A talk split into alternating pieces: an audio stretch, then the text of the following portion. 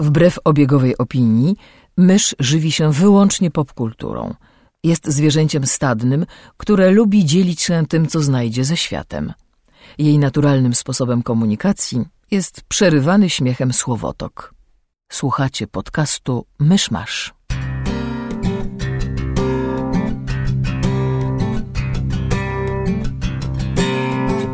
Gospodarzami podcastu Myszmasz są Krzysiek Ceran, redaktor portalu Avalon.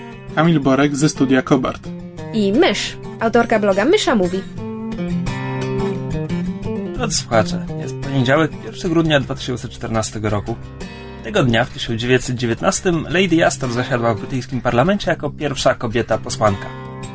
Zapraszam do 83 odcinka podcastu Myszmasz. Cześć wszystkim po krótkiej przerwie. E, słuchajcie, coś nam się w studiu zalęgło i zalęgło się na tyle skutecznie, Tak, że no nie chcę wyjść. Od, od, od ostatniego spotkania postanowiłem się po prostu przetrzymać zwierza w studiu. No, wypuściliśmy ją tylko na SerialCon, pozwolili mi wyjechać, ale też tam byli, więc jakby pilnowali, żeby nie na uciekła. smyczy. Tak. No dokładnie. No, pozwalają mi spać pod biurkiem. Jestem szczęśliwa. Nie ratujcie mnie. Przekaz podpro podprogowy ratunku. Ponią pomoc. Wiecie, hasłem szynszyla. No więc wróciliśmy z serialkonu, na którym e, byliśmy po raz pierwszy całą myszmaszową ekipą i zwierz też tam był. I właściwie kogo tam nie było, była też Ocean Soul i Katia też była. em, I było bardzo fajnie. O, chłopcy, powiedzcie coś jeszcze. Całe internety były. No. Było miło. Wróciłem z kuflem do piwa ze smokiem Targaryenów. Ten, parzę w nim herbatę. Dobrze jest. Nie, ale ogólnie impreza była bardzo dobrze zorganizowana. Jak na pierwszy raz. Tak, było to pierwszy raz. Ja się dowiedziałam, ile ta impreza kosztowała organizatorów. Słuchajcie, 500 zł. Mhm. Ale w ogóle tego nie było widać. Była zrobiona w mm, budynkach biblioteki i arteteki. Budynek arteteki to jest taki budynek, że autentycznie należałoby im go zabrać Krakowowi. No za tak, jest, jest nowoczesny, mają tam bibliotekę cyfrową, można wypożyczać, wypożyczać komiksy, można wypożyczać gry, czytniki e-booków i na miejsce sobie czytać. No po prostu full wypas w Warszawie chyba w ogóle nie ma takiego miejsca. Są mediateki, ale nic nie jest tak Mm, ładne. No właśnie.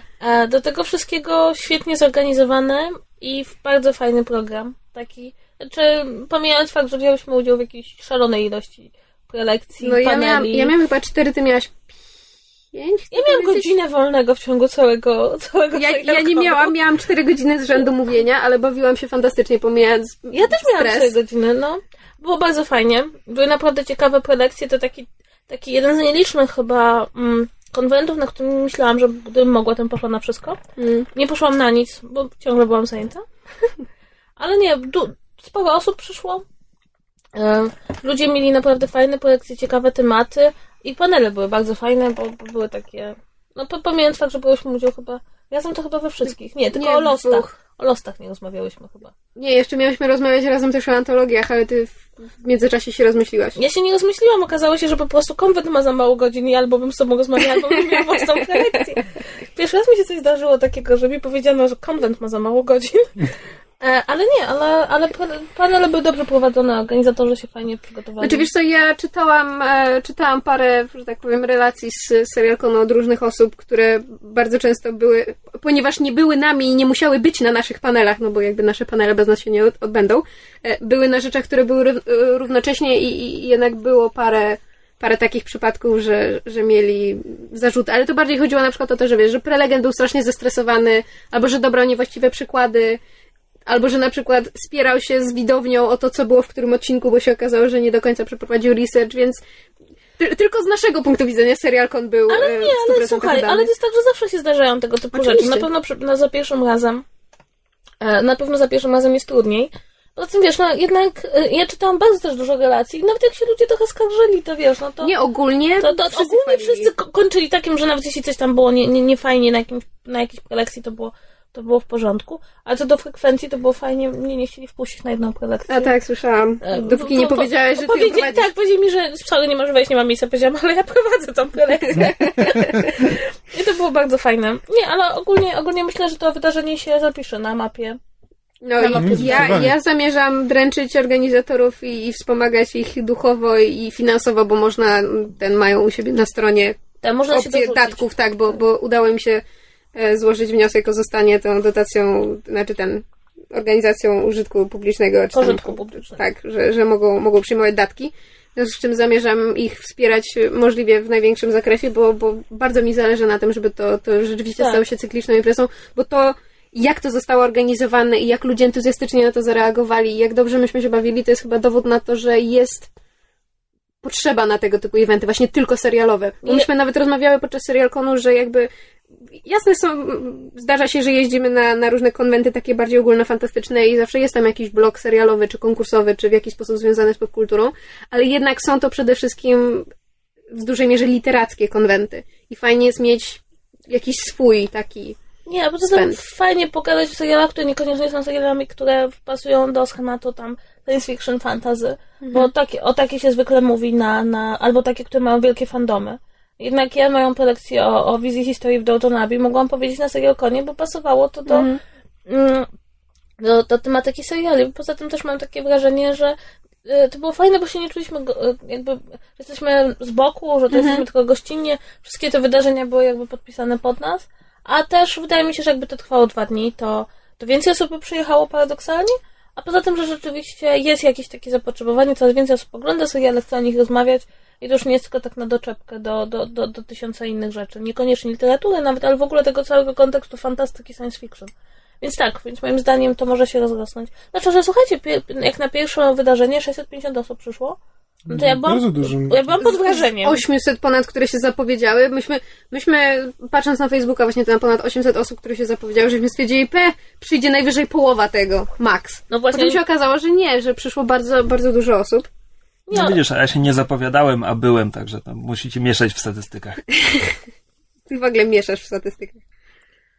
E, No, więc e, jakbyście nie wiedzieli, co ze sobą w przyszłym roku zrobić e, w okolicach, tak podejrzewam, że, że też będzie w okolicach listopada, to, to, To do Krakowa. Miejcie oko, tak, miejcie oko na serial Kon do Krakowa. Wszyscy tłumnie. poza tym Kraków, Command. Tak, Kraków. Zwłaszcza, zwłaszcza w okolicy zimy, coraz ładniej się tam robi. No. E, to może skoro żeśmy podsumowali, dlaczego nas nie było w, e, w zeszłym tygodniu, to teraz e, co żeśmy w międzyczasie zdążyli skonsumować. Znaczy jest tylko jedna rzecz, o której teraz można mówić, Właśnie. tylko jedna rzecz, o której wszyscy teraz Trailer mówią. do Gwiezdnych Wojen. Nie tak. można nie powiedzieć trzech słów na temat e, zwiastunu. E, to nie jest trailer, to jest teaser, tylko że teaser się nie, nie tłumaczy dokładnie na polski. To nie? Zajawka. Teaser. Nie, zajawka. Jest różnica między zajawką a zwiastun. Teaser Słuchajcie, to to jest zajawka. zapowiedź z Jastuna. Też prawda. Teaser trailera. O Chryste. No więc ja oczywiście odświeżałem sobie różne strony, e, czekając na ten e, zwiastun, zwiastunu, zwiastuna e, i w międzyczasie natknąłem się na dwie fałszywki. E, jeden, jeden to był Rickroll, a drugi to był Joda z budzikiem. Także ten doceniam inwencję. No i w końcu, w końcu zwiastun był się pojawił i ten. Mm, no ja mam tylko dwa zastrzeżenia. Jedno tak, żeby się czepiać i jedno poważniejsze. A poza tym wszystko mi się podoba, no i w zasadzie nic nie można powiedzieć o sekundowych przebitkach. No ładne obrazki. Znaczy, o sekundowych przebitkach to ja mogę tylko powiedzieć, znaczy, sekundowych to jest tam parę sekund, ale pierwsza scena, jak pokazują tą pustynię, to to jest dokładnie ta pustynia, którą ja kojarzę z ten, y, czy ona, ona rzeczywiście, to było to ujęcie, które sprawia, że to wygląda jak Star Wars, bo to nie wygląda jak piękna, wiesz, wystylizowana pustynia, tylko to jakoś właśnie wyglądało jak te takie na, na niebieskim tle postawionych trochę ten, e, trochę scenografii, ale po prostu y, tam nic nie ma, tam nic nie ma w tym obrazku, a mimo wszystko on wyglądał właśnie jak taka stara scenografia właśnie z lat 70. W tym momencie, jak już obejrzę ten film, to w napisach końcowych będę szukał pozycji stylizacja pustyni. Przypomniał mi się kosmiczne jak prosimy przeczesać pustynię i oni chodzą. Dobrze, przepraszam. Znaczy, ja miałam, ja miałam dwie reakcje i zresztą pisałam o nich na, na, na fanpage'u. Moją pierwszą reakcją było, kiedy tylko usłyszałam głos narratora, było co tu robi Cumberbatch? To była moja pierwsza reakcja. A drugą reakcją, kiedy pojawia się Soku Millennium i słyszymy motyw z Gwiezdnych Wojen, to było And that was it. Jakby ponad, ponad to nie wyszłam. Obejrzałam, podnieciłam się na Sokole. Uważam, że jest to jedyna słuszna reakcja. Nieważne, czy film będzie dobry, czy zły i kto go robi i dlaczego go robi i cała reszta jest jakby nieistotna. Widzisz Sokoła, słyszysz ten motyw, pisk, koniec, dziękuję. E, To znaczy, ja powiem szczerze, że ja też miałam oma- znaczy, nie wiem, czy miałam omawy słuchowe, ale tak, słyszę, tak, czy to jest Cumberbatch? No brzmi jak coś pomiędzy Smaugiem a Kanem, no to brzmi jak Cumberbatch. I tak sobie powiedziałam, nie, Kaśka, ja rozumiem, że, że ty widzisz Cumberbatcha wszędzie, ale uspokójmy się. To E, znaczy tak, e, ale ja myślę, że on mógłby nagrać e, Ka- odległość Cumberbatch, Cumberbatch był na planie. i zna Była, była mowa, że tylko go odwiedzał, ale potem w jakimś wywiadzie mu się wymskło, że będzie miał tak zwane cameo. Natomiast internet nie jest stuprocentowo zgodny, że ten głos to jest głos Cumberbatcha. E, Alternatywna teoria mówi, że to mógłby być Andy Serkis, co miałoby o tyle sens, że Andy Serkis oficjalnie występuje w tym filmie. Znaczy, ja nie twierdzę, że to jest Cumberbatch, ale brzmi tak strasznie jak on. Że tylko zwłaszcza na początku. zdanie, bo potem tak. te późniejsze Potem nie. inflekcja trochę lata i ja mam do tego ucho i to może być kto inny, to ale pierwsze zdanie- skojarzenie Ale było... oczywiście internet nie O, jest Hobbit. Natomiast, natomiast jeśli chodzi o zastrzeżenia, to ja, ja się znalazłam w tej grupie, która zwróciła uwagę przede wszystkim, e, przede wszystkim na miecz. E, bo, bo, No bo- to jest bo to jest mniejsze z moich dwóch zastrzeżeń. E, natomiast jakby i- zaskoczyło mnie to, ile osób po tym, no, tych przebitkach zaczęło wypowiadać się dosyć rzeczowo na temat fabuły filmu oraz tego, co jest w nim nie tak. I to mnie zaskoczyło. Że to jest, to jest śmieszne, bo tam Abrams się dobrze kryje do tego stopnia, że my nawet nie wiemy, kto jest głównym bohaterem spośród tej trójki młodych. Tak, w ogóle nic w sumie praktycznie w tym momencie, w tym momencie prawie nic nie wiemy. A, jeszcze jedno skojarzenie i to internet też jest znalazł. Jak jest ta dziewczyna na tym, tym statku, takim małym śpigaczu, czy trudno to w ogóle nazwać, to wygląda zupełnie jak Lody Magnum. Tak jak się na Ja niego tak z boku patrzy. No. I to, to są w sumie trzy moje reakcje, takie poważne, głębokie. Znaczy, no, miecz świetlny ze świetlnym jelcem jest durny, bo on zwraca uwagę na problem, który dotąd w Gwiezdnych Wojnach irytował tylko ludzi, którzy a. y, znają się na walce mieczem i b. myślą, że znają się na walce mieczem. To znaczy, że jak tam dochodzi, dochodzi do zwarcia w walce na miecze świetle, to oni się tak tylko przepychają i nikt nigdy nie prześlizgnie klingi po klindze, żeby komuś uciąć łapkę. No więc teraz jak jeden, jedyny miecz w tym świecie ma ten świetlny jelec, no to po pierwsze ludzie zaczną o tym myśleć i pomyślą, okej, to jest faktycznie dziwne, ale e, ten jelec jest bezużyteczny, znaczy, bo ta klinga jak się ześliznie po klindze, to i tak przetnie rełkojeść. Ja, ja widziałem jeszcze taką teorię, że te, z, ten jelec zaczyna się od środka, tylko on ma obwódkę wokół. Więc to, że my widzimy tylko to, że to wygląda tak, jakby tam była rękojeść, to nie znaczy, że on w środku nie jest ten, nie jest połączony z E, głównym. Jedna rzecz, która mnie zastanawiała, e, oglądacie Star Wars Rebels? Tak. To tam ten główny zły ma taki Świetla kosiarka jest Ma jeszcze no, gorsza. kosiarkę. I zastanawiałam się, czy to być może nie jest podobna technologia. To znaczy, że on, bo bo on tam może kilkakrotnie zmieniać, prawda, jak mu te wiązki wylatują z tego. I być może, to, to jest moja teoria, że być może to wygląda w tym, w tej scenie jak, jak jelec, a, czy jelc właściwie, nie wiem jak to się odmienia. E, A on na przykład to może, może się okazać czymś kompletnie totalnie innym, kiedy on z tego skorzysta. Znaczy w związku z właśnie ja tym ja też- nie, nie wyciągam wniosku. Ja, ja też się spodziewam, że jakby, że Abrams no, musi, no nie wiem, no, e, być może, że się mylę, ale jednak wierzę na tyle, że Abrams sobie zdaje sprawę z tego, że to jest po prostu e, pr- przefajnowane i że będzie jakieś wytłumaczenie dla tego w ten, w, w filmie. Tak, bo to, to, to, to, mnie, to mnie nie drażni tylko dlatego, że uważam, że to jest głupie, tylko że to jest takie samo na siłę próba zrobienia czegoś, wiesz, o, bo, bo tego jeszcze nie było, takie Także udziwnianie na jeszcze, siłę, żeby skąd było jeszcze fajnie. może wychodzić ten promień? Że wiesz, I to siedzi, tak- siedzi tak cały dobrą- zespół i myśli, jakby to zrobić, żeby te promienie jeszcze mogły wychodzić Tak. z pięciu różnych nowych miejsc. Tak na dobrą sprawę, no miecz świetlny to jest bardzo fajna zabawka, to jest zabawka, którą każde małe dziecko chciałoby, żeby, żeby to istniało naprawdę i nie trzeba go na siłę Każde uf, duże dziecko tym bardziej. ufajniawiać. Tak, ja też chciałbym mieć prawdziwy miecz świetny. E, w związku z tym tak naprawdę tak naprawdę nawet podwójny miecz Darfa Mola to dla mnie było takie trochę e, po co? Znaczy trochę fajnej choreografii z tym było, ale to, to było wszystko. Tak naprawdę no po prostu boję się, że wiesz, Disney dopiero co wyrzucił Expanded Universe, a już teraz widzimy coś takiego w nowym kanonie i teraz boję się tej nawały sztyletów świetlnych, biczów świetlnych i całego świetlnego syfu, który był w starym Expanded Universe i którego nikt naprawdę nie potrzebuje. Ale to jest moja, to jest moje mniejsze no zastrzeżenie. właśnie, a jaki jest ten większy? Praca kamery. Tak. Moim większym zastrzeżeniem jest to ostatnie ujęcie z Sokołem Millennium, gdzie ja naprawdę mam nadzieję, że to nie jest autentyczne ujęcie z filmu, tylko, tylko przypomnij reklamowe. mi, które jest ostatnie ujęcie. Jak się ta kamera leci za Sokół Sokołem Millennium z TIE Fighterami, to jest ostatnie ujęcie. A, dobrze. I to w ogóle nie jest gwiezdnowojenna praca kamery. To jak ta kamera śledzi sokoła, obraca się dookoła własnej osi Znaczy to, dwa razy. Ja mam wrażenie, że Firefly wprowadził taki ten e, A i tam jest też sposób, trochę shaky cama, tak właśnie, w ogóle. tak, prowadzenia właśnie kamery w kosmosie, gdzie to wszystko się tak trochę trzęsie, traci Ale to- ostrość i w Ale ogóle. to było też w Into the Darkness. Jest tam takie, jest takie ujęcie, jak oni lecą jakby przez y, Kik i, nie Khan, tylko Spock i lecą przez jakby takie, muszą się gdzieś zmieścić. On mówi, nie zmieścimy się, zmieścimy się. Tam jak lecą przez próżnię do asteroidy, czy... Tak jak lecą, jak, jak się śluzy. spotykają z Khanem po raz pierwszy. A, jak tym małym stateczkiem Tak, się i- i- przyciskają. i mam To jest z kolei tam jedno z ujęć jest ukradzione z powrotu Jedi.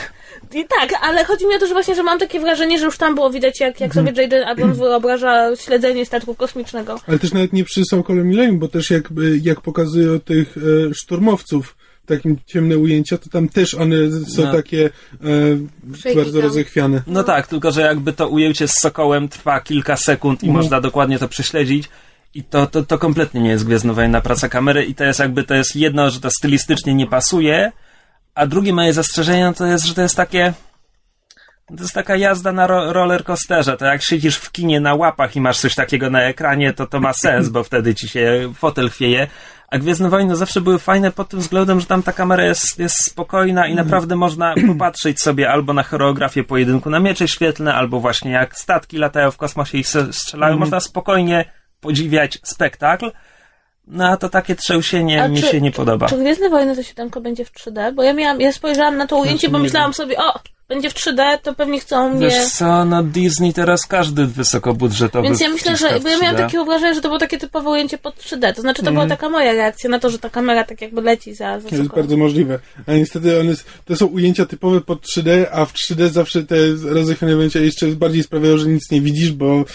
Bo ci właśnie Tak, bo obraz się chwieje jakby domyślnie. A ja to, co, znaczy jeszcze tak wtrącając to, co mi się w miarę spodobało, oczywiście to się może jeszcze zmienić, no bo zobaczyliśmy, prawda, jedną setną procenta całego filmu w tym teaserze, więc trudno, trudno ocenić, jak to będzie wyglądało. A to, co mi się spodobało, jakby Kamil też do tego nawiązał a propos tego pierwszego ujęcia pustyni, które wyglądało tak jak z oryginalnej trylogii, jak właśnie z tych powiedzmy lat 70., to jest to, że ten teaser, pomijając, że był jakby praca kamery właśnie była bardzo nowoczesna i pewne elementy były bardzo współczesne, on wyglądał pod względem designu właśnie bardziej jak stara trylogia i to mi się podobało, bo jednak naprawdę to, co mi bardzo przeszkadza w, w nowej trylogii i też o Hobbicie, żeśmy o tym ostatnio rozmawiali, to jest to, że to wygląda sztucznie. Efekty są tak przesterowane.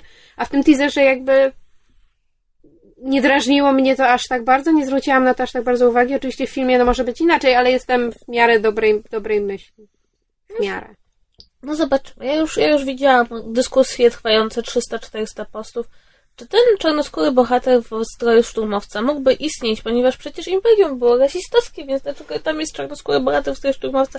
I, i, Ale i, nie, na nie przeciw pytania, tym rasom. ale, ale na przecież, no jakie wszelkie pytania dotyczące tego, że my w ogóle nie mamy zielonego pojęcia, To znaczy- kim jest ten człowiek. E, proste pytanie. Jeśli aktor mówi z brytyjskim akcentem, to mógł być w Imperium. E, no, natomiast Przepraszam, teraz mi się w głowie przewija cały sketch od jego i Sarda a propos otwierania drzwi na gwieździe Imperium. Oh, I'm... Oh. What is it, Lieutenant Sebastian? I'm arranging matches. Wszystko twoja wina, Krzysiu. okej, wiesz, że nie mam pojęcia o czym mówisz. A ja wiem. A, Nie znasz tego sketchu i nie znam tego Ok, sketchu. Jeżeli słuchacze nie znają tego sketchu, to wpiszcie sobie um, Eddie Izzard i chyba... British Cinema. British Cinema Eddie Izzard, tak. Tak. Ale jest też oczywiście sketch na Gwieździe Śmierci, a propos kantyny na Gwieździe Śmierci. To Ediego Izzarda i Gwiezdne Wojny sobie wpiszcie Google, wam na pewno coś. Natomiast e, w ciągu tych 80 sekund ja miałem jeden taki moment fanowskiego uniesienia i to były, to były nowe X-Wingi lecące jak łabędzie nad wodą. No To tak. fajnie wyglądało.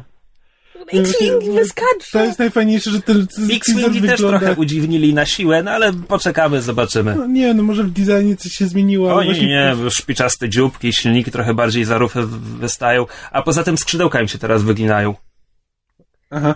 E, Nie, autentycznie, jak, jak spojrzysz, te skrzydła nie są, nie są proste, tylko się zaczyna i potem ten końcówka z działkiem się unosi jeszcze bardziej w trochę Jeśli innej myśleliście, że płaszczyźnie. widzieliście teaser trailer Gwiezdnych Wojen, to teraz dowiadujecie się, że nie wiecie nic. nie, no w każdym razie bym- to, co mnie najbardziej ucieszyło, to to, że, że rzeczywiście to wygląda jakby, no, nie licząc jakby pracy kamery, ale jakby sama ten wygląd kadru jest bardzo podobny do tego, co widzieliśmy w starej trylogii, a przynajmniej nie jest podobny do tego, co widzieliśmy w nowej trylogii i to już wystarczy. A no i oczywiście brałem już udział w dyskusji internetowej a propos y, jakie planety tam widzimy i czy to jest Tatooine, a może to nie jest Tatooine. Ja się skłaniam ku tezie, że to nie jest Tatooine, bo widzimy ten flary świetlne i jest tylko jedna flara, a przecież powinny być dwie, bo od dwóch słońc. E, Ale po, muszę, muszę powiedzieć, że jedna rzecz, która mnie absolutnie wzruszyła, to był moment, kiedy się ten trailer pojawił, teaser trailer pojawił w internecie i autentycznie wszystko inne, łącznie z tym, że ja w tym momencie czytam e, stronę internetową Guardiana. Wszystkie inne informacje ziół w dół, ponieważ jest nowy teaser trailer do Gwiezdnych Wojen i sobie pomyślałam, że jest bardzo mało filmów, które pomijając fakt, że cały internet jakby się za, za, za, został zasypany, to poważne, informacyjne, znaczy ja wieczorem przeglądałam pudelkę i tam znalazłam teaser trailer do Gwiezdnych Wojen, to znaczy wszyscy chcą zobaczyć teaser trailer do Gwiezdnych tak. Wojen. A internet trochę się popsuł. E, Odtwarzacz iTunes miał, miał problemy, za duży ruch był. A linka, którą ja wrzucałem na nasz fanpage, jak ją tam wrzucałem, to miała.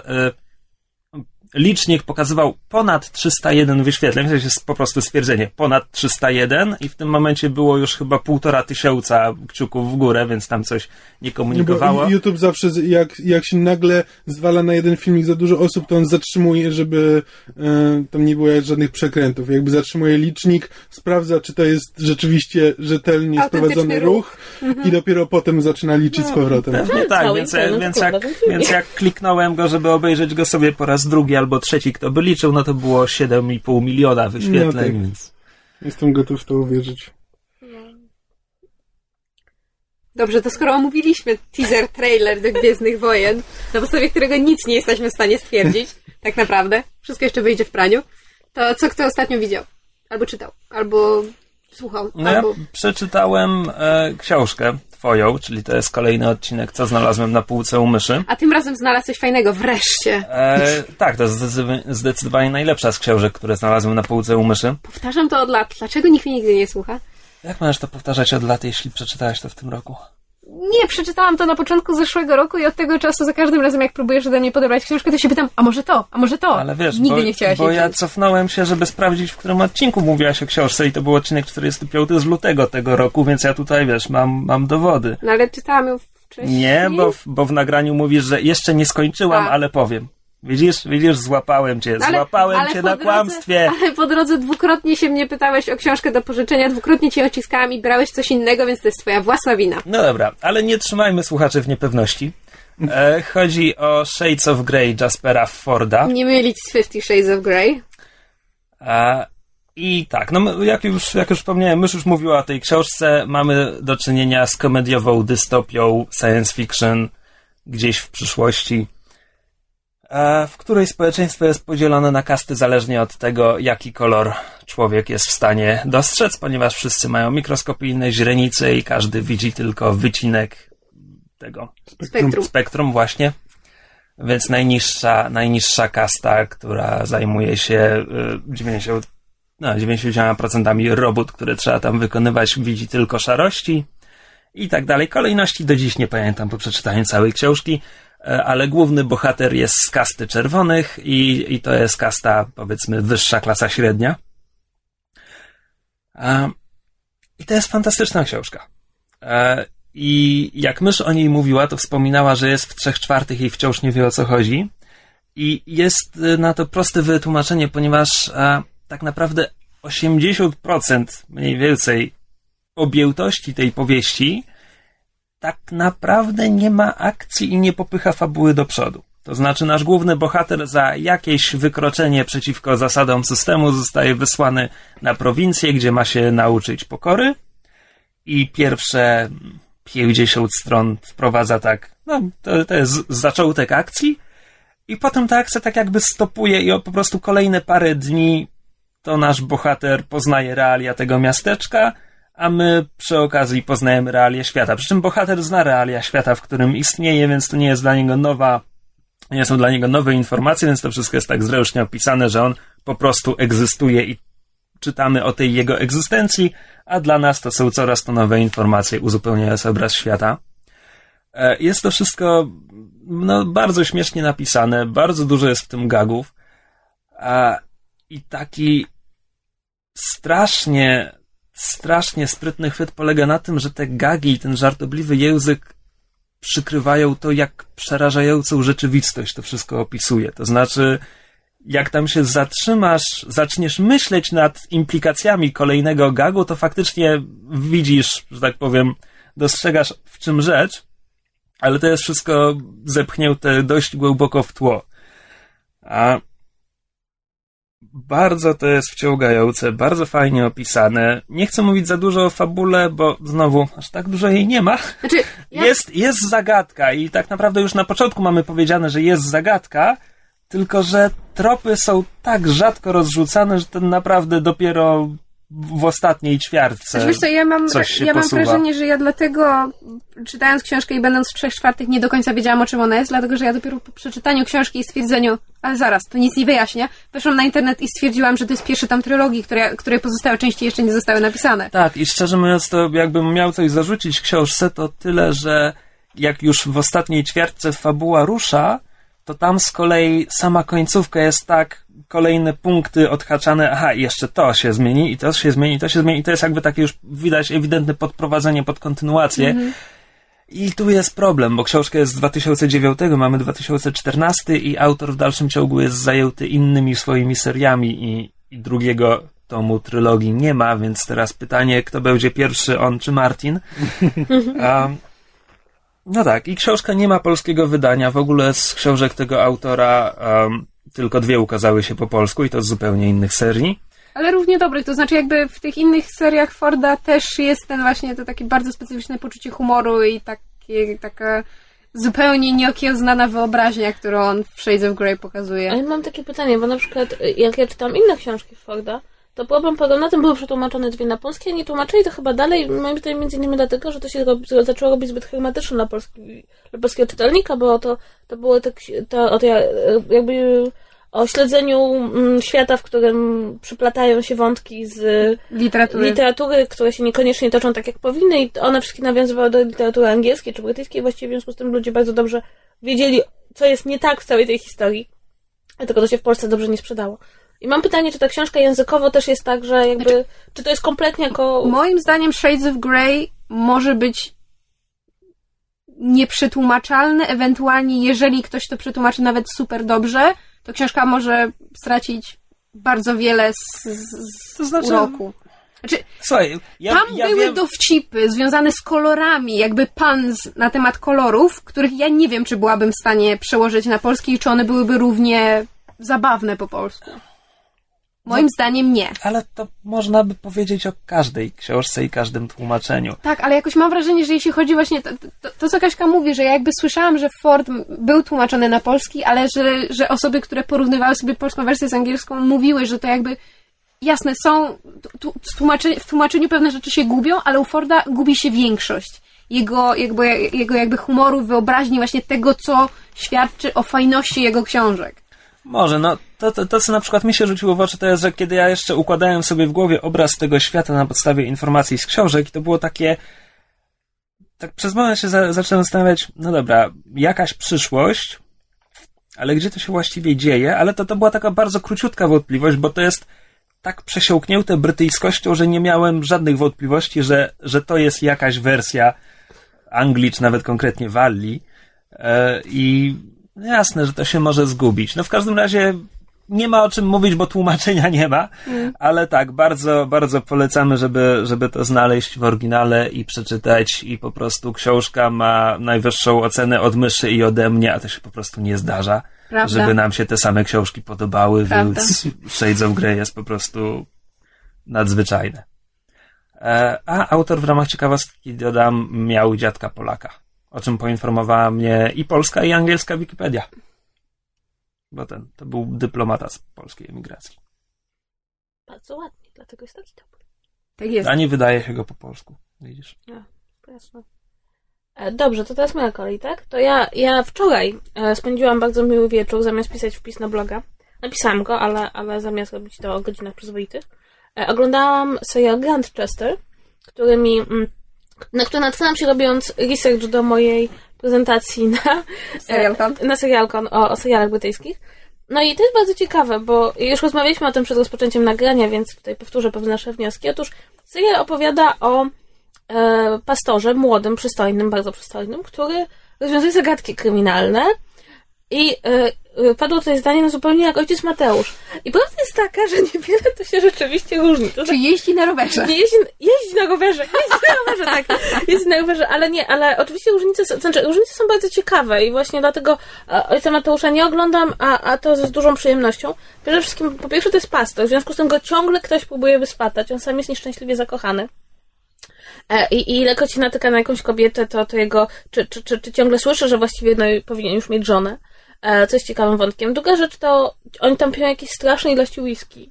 I, I do tego stopnia, że w pewnym momencie zaczyna się zastanawiać, czy nie mają problemu alkoholowego. To jest dosyć ciekawym, e, ciekawym podejściem. A trzecia rzecz to jest to, że on, to się dzieje w latach 50. E, Co, pomijając już fakt, że w ogóle jest strasznie fajnie oglądać seriale, które dzieją się w przeszłości i nie są, nie są jakoś szczególnie związane z wydarzeniami historycznymi, bo można sobie oglądać sukienki i tego typu rzeczy. E, Ale e, ponieważ to się dzieje w latach 50., to nasz bohater ma traumę wojenną, którą jeszcze jakby gdzieś tam w sobie nosi i wspomnienia z wojny go odręczą. Są to wspomnienia absolutnie nie z bycia kapelanem wojskowym, tylko z bycia żołnierzem na froncie.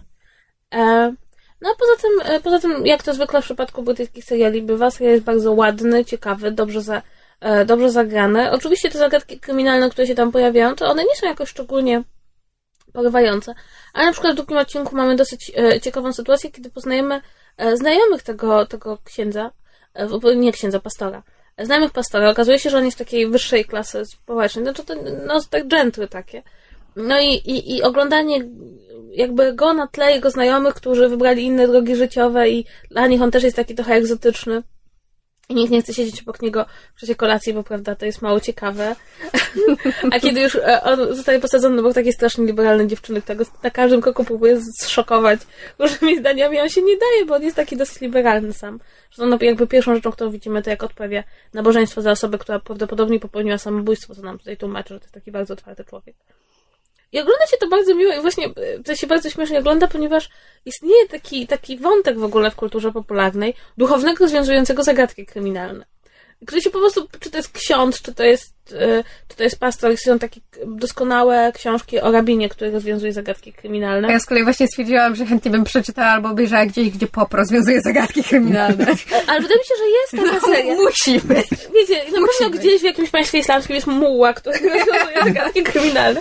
Znaczy, ja Wiesz, tylko czekam, teoretycznie opowieści Tysiące Jednej Nocy to jest mniej więcej na takich motywach. ja czekam aż ten jakiś y, będzie coś o papieżu, który nocami, nocami było- wychodzi z Watykanu to i byłoby rozwiązuje. doskonałe. Ale Przecież, ale papież wychodzi nocą, więc wszystko jest Ale możliwe. nas, następnym krokiem byłaby opowieść, gdzie byłby team-up, powiedzmy, Popa i Muły. A, a, a dalej już jest Barman i rabbit. Ja tylko sobie wyobrażam te Limit- czapki na tle księżyca. Słuchajcie, no to, to byłaby dobra seria. Myślę, że komiks by z tego fajny wyszedł. E, Nie, ale w każdym razie polecam, jeśli szukacie czegoś takiego, czego ja zawsze szukam, to znaczy brytyjskiego serialu, który, e, który się fajnie ogląda, nie jest jakiś taki, nie, człowiek nie, nie przywiązuje się do niego tak strasznie emocjonalnie, ale, ale ma raz tam na tydzień fajny, fajne spotkanie. Pierwszy sezon ma oszałamiające 6 odcinków, ale wiadomo, że będzie następny.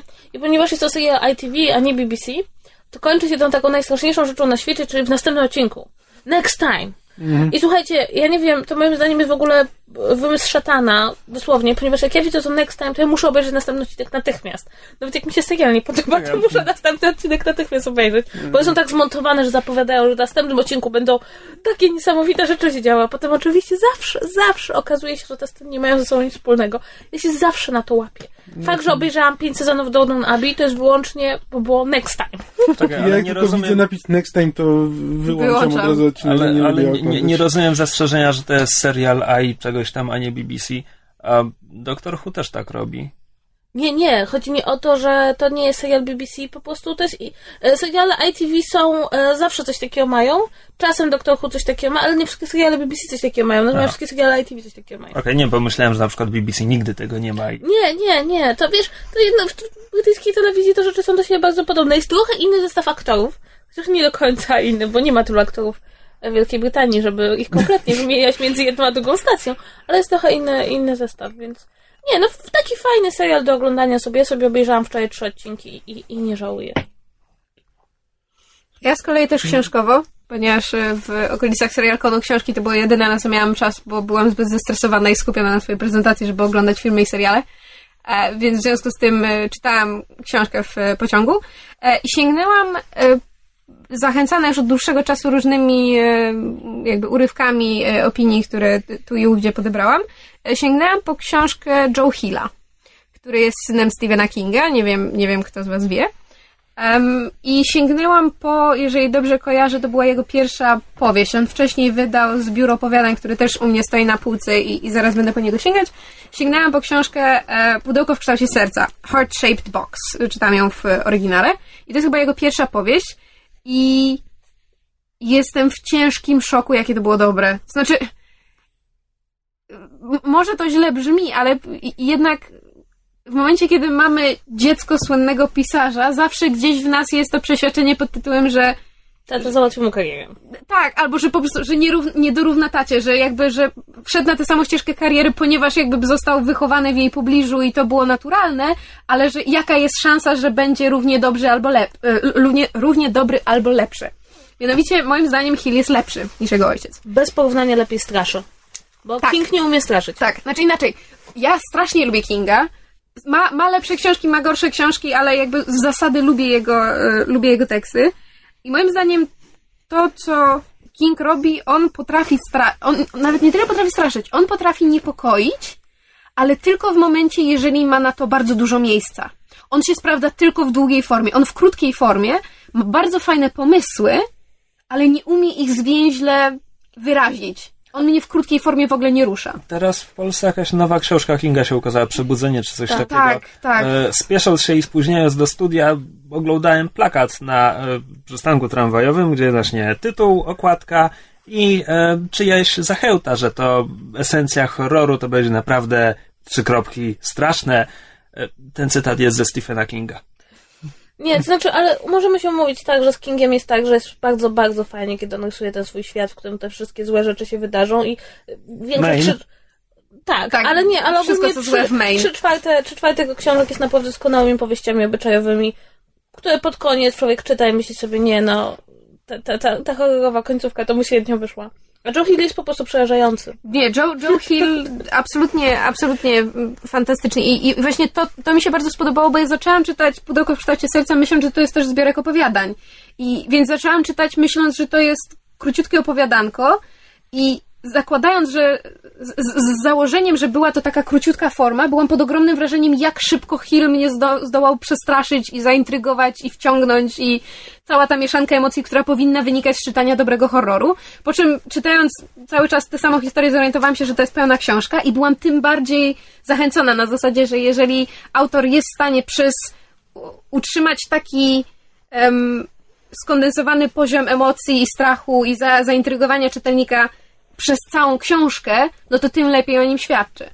Em, I e, żeby, żeby em, powiedzieć parę słów, Pudełko w kształcie serca opowiada o podstarzałym rockmanie, takim w typie e, Ozzy'ego Osborna, powiedzmy, Em, czy, czy, czy, czy bardziej idąc w jakieś inne rejony, nie znam się kompletnie na mrocznej muzyce, więc, więc nie wiem o czym mówię, em, który ma tak związaną jakby z, z, z, z wykonywanym zawodem taką trochę makabryczną, e, makabryczne hobby pod tytułem zbiera różne em, dziwne rzeczy, jak na przykład em, rysunki tam siedmiu krasnoludków, które John Wayne Gacy, seryjny morderca, narysował w więzieniu i mu przysłał. Albo jakąś tam e, czaszkę, nie wiem, e, kilkunastoletniego chłopca tam z XVI wieku, który miał e, trepanację czaszki zrobioną i potem żył z dziurą w głowie. No tego typu makabryczne po prostu gadżety. I w pewnym momencie kupuje przez, nie przez eBay, ale przez jakąś tam stronę aukcyjną, kupuje garnitur nieboszczyka. A Dead Man's Suit.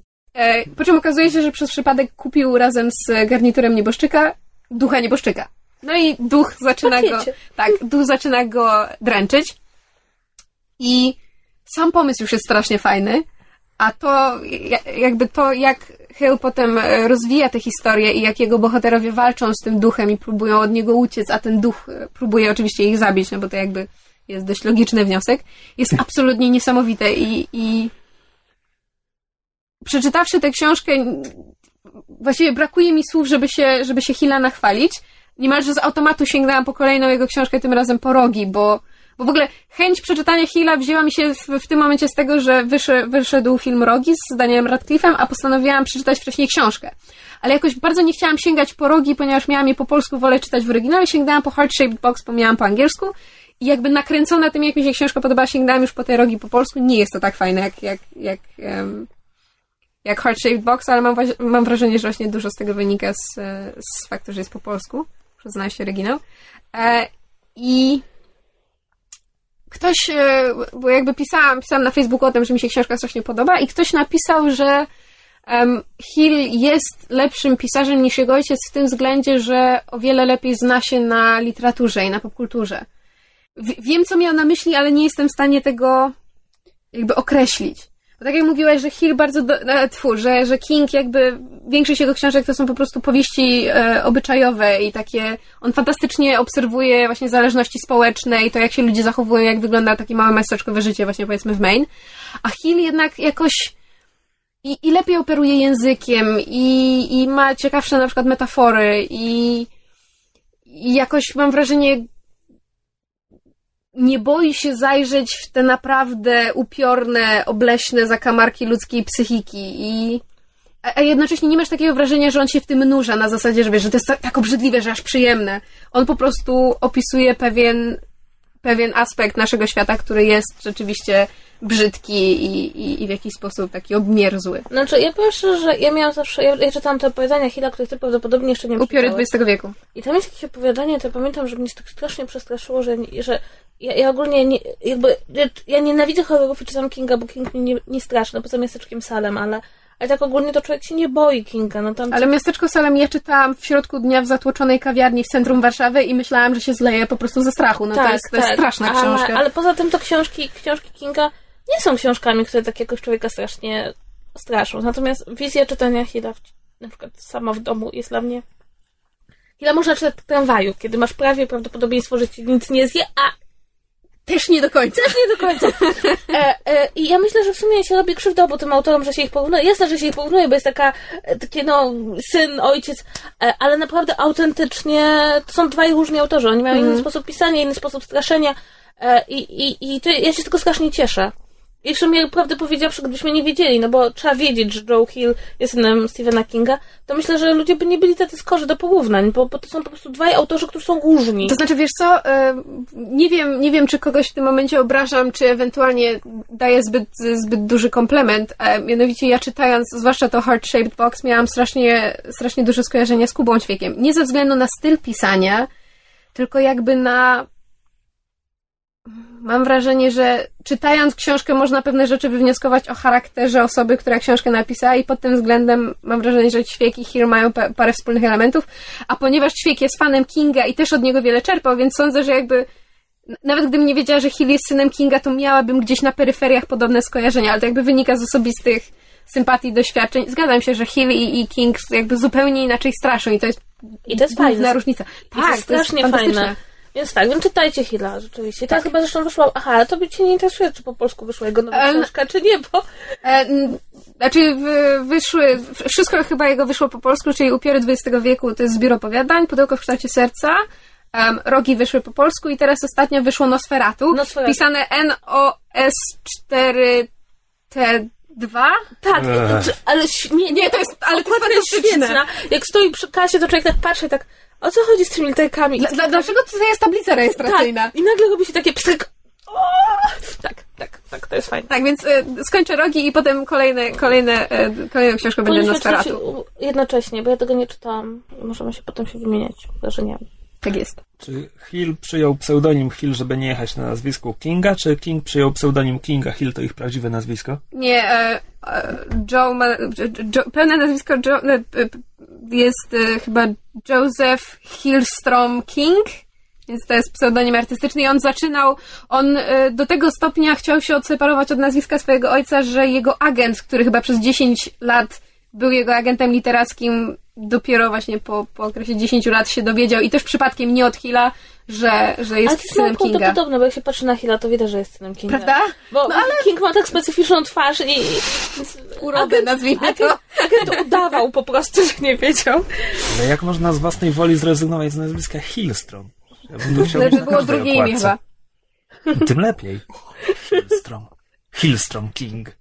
To wtedy mógłby udawać ten... King Hillstrom. King Hillstrom. King Hillstrom. To mógłby udawać jakiegoś skandynawskiego pisarza, wynieść się na fali. Nie, ale to, to jak z jakiejś powieści fantazy, The King of Hillstrom. Dobrze, to co ty? Teraz twoja kolej. E, no, jak moja kolej, to ja wczoraj właśnie skończyłem oglądać e, i chyba po raz pierwszy w życiu, już widziałem fragmenty e, 12 małp e, Terego Gilliama. Kochana, on do, do, do Sylwestra dwa lata temu nigdy nie widział Pretty Woman, więc wszystko jest Okej, możliwe. dobrze. dobrze. Ja, wci- ja wciąż nie widziałem Pretty Woman. Wyjdź, I 12 małp też. wyjdź! Filmy Terego Gilliama zawsze mnie fascynowały, bo jak widziałem urywki, ale jakoś, nie wiem, nigdy nie miałem okazji ich obejrzeć, jakoś tak mi zawsze umykały gdzieś. No ale przecież widziałeś E. chyba Bracia Grimm. Mm, Nieusłyszenie Bracia Grimm. Historia A, Matt Damon to jest tak, Gilliama. tak, Ale to jest tak. taki mały Gilliamowski film. Znaczy inaczej, jak się porówna zresztą, to on jest bardzo, ale jakby stojąc No sam... na przykład ten, nie wiem. Bra- Brazil wciąż nie widziałem. Nie. E, no tak czy inaczej, no to jest, taki- to jest taki właśnie Terry Gilliam, z którym się go kojarzy w tak popularnej świadomości, czyli dziwny. e, I to chyba będzie krótko, bo ja nawet sam nie wiem, co o tym filmie powiedzieć. Szczególnie, że to jest taki jeden z... Nie wiem, czy to był jeden z Powiedz, klasyk trzeba obejrzeć i... Tak, Znaczy, no, przejść tak, dalej. no, dla tych, którzy nie widzieli, no to historia jest niby taka, że ludzkość żyje pod ziemią, bo w 96 roku organizacja 12 Małp wypuściła wirusa, e, przez którego wymarło 5 miliardów e, ludzi, a ten, i powierzchnia jest teraz już nie, nie, nie do zamieszkania, tylko zwierzęta tam mogą mieszkać, ludzie żyją pod ziemią i wysyłają w czasie Bruce'a Willisa, który jest więźniem, e, wysyłają go właśnie do 96 roku, żeby się dowiedział, no, skąd się wziął ten wirus, żeby móc tylko po to, żeby zbierać informacje, żeby ludzie w przyszłości, no, że nie da się już tego zmienić, ale ludzie w przyszłości będą dzięki temu mogli wiedzieć, co dalej zrobić, jak się z tym wirusem uporać i może jakoś wrócić do normalnego życia. No tylko, że oczywiście tam cała masa rzeczy idzie nie tak i, i to jest jeden z tych filmów, który właśnie nie, wiem, nie wiem, czy to jest jeden z pierwszych filmów, który właśnie w ten sposób podchodzi do podróży w czasie, gdzie to wszystko jest... Znaczy, bo Terminator 2 jest jednym z tych filmów, gdzie te, Pętla. ta pętla czasowa jakoś tak się dziwnie Nie, to na składa, pewno nie a jest pierwszy z filmów, ale... ale tak, ale, ale taki jeden z ciekawszych właśnie sposobów, plus, plus obsada jest fantastyczna, bo Brad Pitt, Brad Pitt jest w tym filmie cudowny e, i gra praktycznie, żeby no, gra jedną, jedną osobę, ale trzy różne role e, i to się bardzo fajnie, bardzo fajnie ogląda. Bruce Willis też jedna z jego fajniejszych kreacji i, no i klimat i atmosfera jest fantastyczna, więc E, absolutnie polecam, mimo że film zostawia z takim, co ja właściwie obejrzałem. Ja pamiętam, ja obejrzałam ten film, kiedy, kiedy zdecydowanie byłam za młoda, żeby go obejrzeć, bo ja go obejrzałam chyba, nie obejrzałam go w kinie, ale obejrzałam go tuż potem, e, po- ponieważ mój tata jest wielkim fanem tego Gilliama. Właśnie ja coś takiego e, powiedziałem, że nigdy nie oglądałem. Ja kiedyś mam wrażenie, że widziałem e, ten film i to nawet w całości, tylko tak kompletnie mi umknął, że tak jakbym go w życiu nawet nie widział, bo nawet nie byłem w stanie sobie przypomnieć, o co tam chodziło. Tak, a ja pamiętam, że jak obejrzałam ten film, to pierwszą moją myślą było, że chciałabym, żeby się skończył inaczej. I potem go widziałam kilkanaście razy i za każdym razem mam nadzieję, że on się tym razem skończy inaczej. I to jest niesamowite, bo ja się łapię na tym, że mam takie, takie poczucie, jakby z jednej strony wiem, co będzie dalej, a z drugiej strony tak strasznie chcę, żeby to zakończenie było inne. I ja pamiętam, że to był taki film, że jak go widziałam pierwszy raz, to on na mnie tak mocno trafił, tak jak tego kompletnie pamiętałeś. Ja pamiętałam ko- kolejne kadry, po prostu wbił mi się w pamięć niesamowicie. I to jest trochę taki film, że jeśli się go kompletnie nie widziało i nie wie się, o czym on jest, i się siada po raz pierwszy do tego filmu, to on może z jednej strony zostaje taki, Boże, co ja przed sekundą zobaczyłem, a z drugiej strony może się bardzo mocno wbić w podświadomość Znaczy, być... mną trząchnął, ja go obejrzałam też w stosunkowo młodym wieku i, do dzisiaj w sumie nie mam pewności, czy wszystko w nim zrozumiałam, ale jakby wywarł na mnie na tyle duże wrażenie, że obejrzałam go raz i nigdy więcej, bo jakby Ja tak mam z Rekwiem dla snu. Jak widziałam go raz, trząchnął mną i nie chcę go nigdy więcej widzieć. Ale żeby było śmiesznie, nie wiem dlaczego u mnie 12 małp stoi mniej więcej, znaczy pod wieloma względami na podobnym poziomie jak Existence. Tylko, że Existence jestem w stanie oglądać w kółko, a 12 małp nie. Nie, no ale wiesz, ale to jest to, to dokładnie to samo, że wydaje ci się, że wiesz co oglądasz, a potem oglądasz zupełnie co innego. Tak, i jakby za każdym razem spodziewasz się innego wyniku, mimo że, Że- mimo, że to jest na taśmie, no nie da się. Tak, ale to jest, no, ale nie, są ludzie, którzy czytają różne rzeczy i zawsze się spodziewają innego wyniku. Ja tak mam jak... Ja, ja, ja, Wiedźmin. no okej. Ja zawsze myślę, że oni przeżyją. No nieważne. W każdym razie, e, no teraz, e, bo ty Kamil chyba obejrzałeś te 12 małp, w związku z tym pośrednio przez to, że będzie mieć serial. Ma być serial, więc 12 chcę. małp. Ja w ogóle... Nie. Nie! Znaczy ja jestem ciekawa, co oni z tym zrobią, ale to tylko, to jest tak specyficzny film i tak specyficzna historia, do, dosłownie, dosłownie tworząca zamkniętą całość, Znaczy, że... Być może gdyby wymyślili takie też, że każdy odcinek tworzy zamkniętą całość.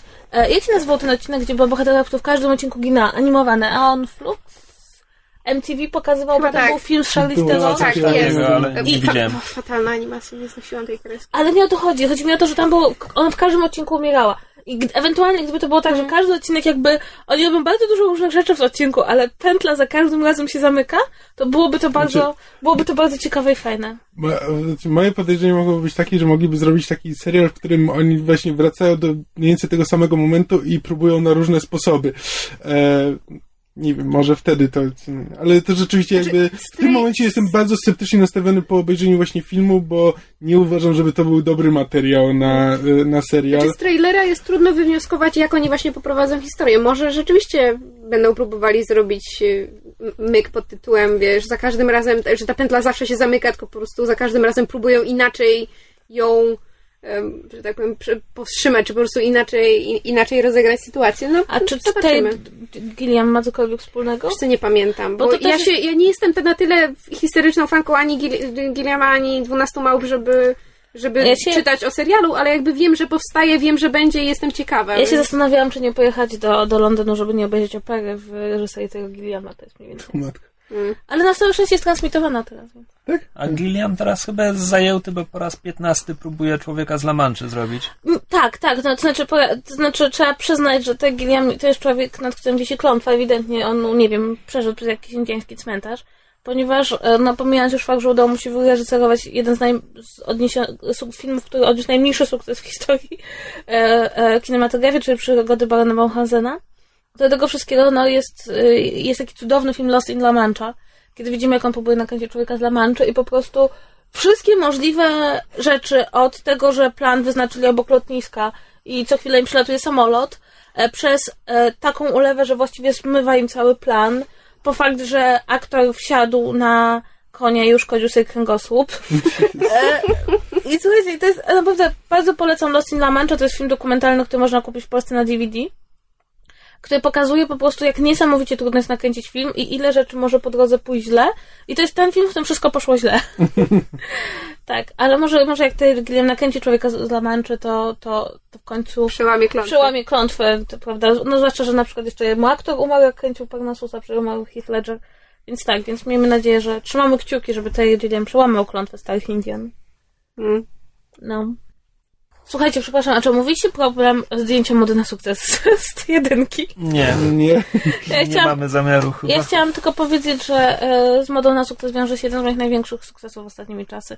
Otóż wypowiedziałam się na antenie radiowej trójki o tym, że uważam, że no śmieć e, soap opera jest śmiecią dosyć dużego kawałka telewizji e, i historii telewizji. Te, te seriale nawet 75 lat miał jeden z nich. Zaczął jako słuchowisko radiowe, a potem był Guiding. Light?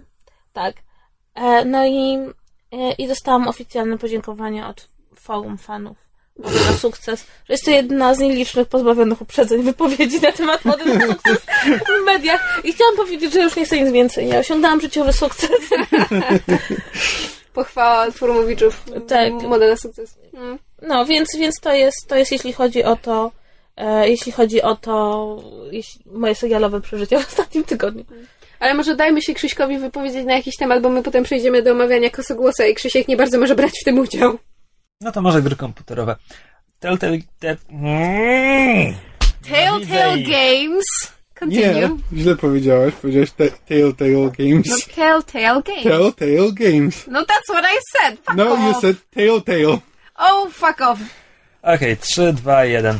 Telltale Games wypuściło pierwszy epizod e, Tales from Borderland. Borderlands? To jest Borderlands.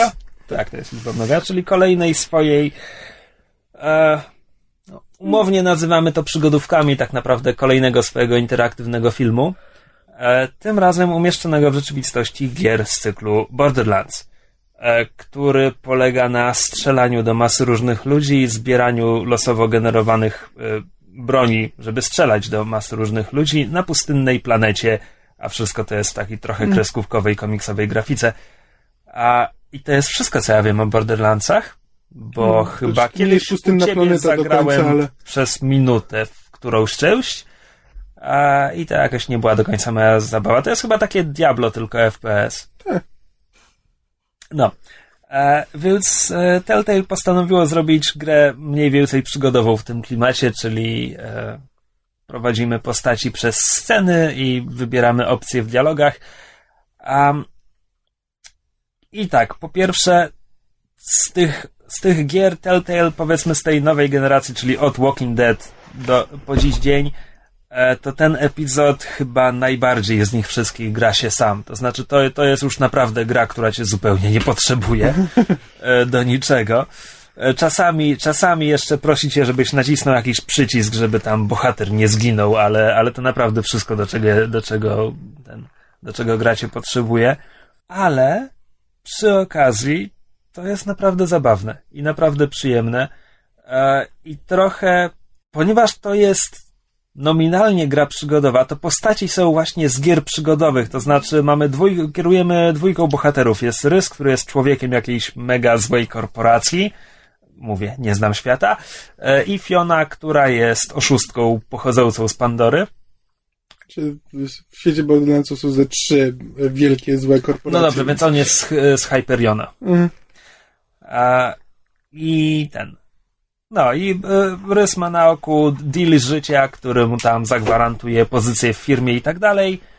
E, Fiona z drugiej strony widzi, że tak powiem, ten sam deal, który dla niej też jest okazją, żeby ustawić się na, na długie lata. E, I oczywiście, ponieważ to są trochę sprzeczne dążenia, to im to wszystko nie wychodzi, sprawa się komplikuje i jak to zazwyczaj jest, jak ktoś ma na oku skok życia, potem trzeba uciekać przed różnymi ludźmi albo gonić za kasą. No, wiadomo, wiadomo mniej więcej o czym to będzie od samego początku. Tylko, że to są bohaterowie właśnie z gry przygodowej, wrzuceni w świat brutalnej strzelaniny, gdzie wszyscy się mordują. Po prostu dookoła pada tyle trupów, to jest absurdalne i część humoru się z tego bierze.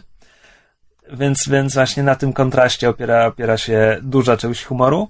Postacie mają czas, żeby się odrobinę rozwinąć, bo na przykład Rys jako ten człowiek korporacji zaczyna jako ktoś, jakby ja naprawdę nie, nie lubiłem tej postaci na początku. Pod koniec epizodu już go trochę zacząłem lubić, więc to zapowiada się fajnie. Um, nie widziałem szczególnie takich wielkich wyborów, zwłaszcza jak to Wolf Among Us anonsował ci teraz masz wielki wybór, zatrzymywał akcję i mówił ok, wybierz bramkę A, B lub C, e, więc tutaj czegoś takiego nie ma.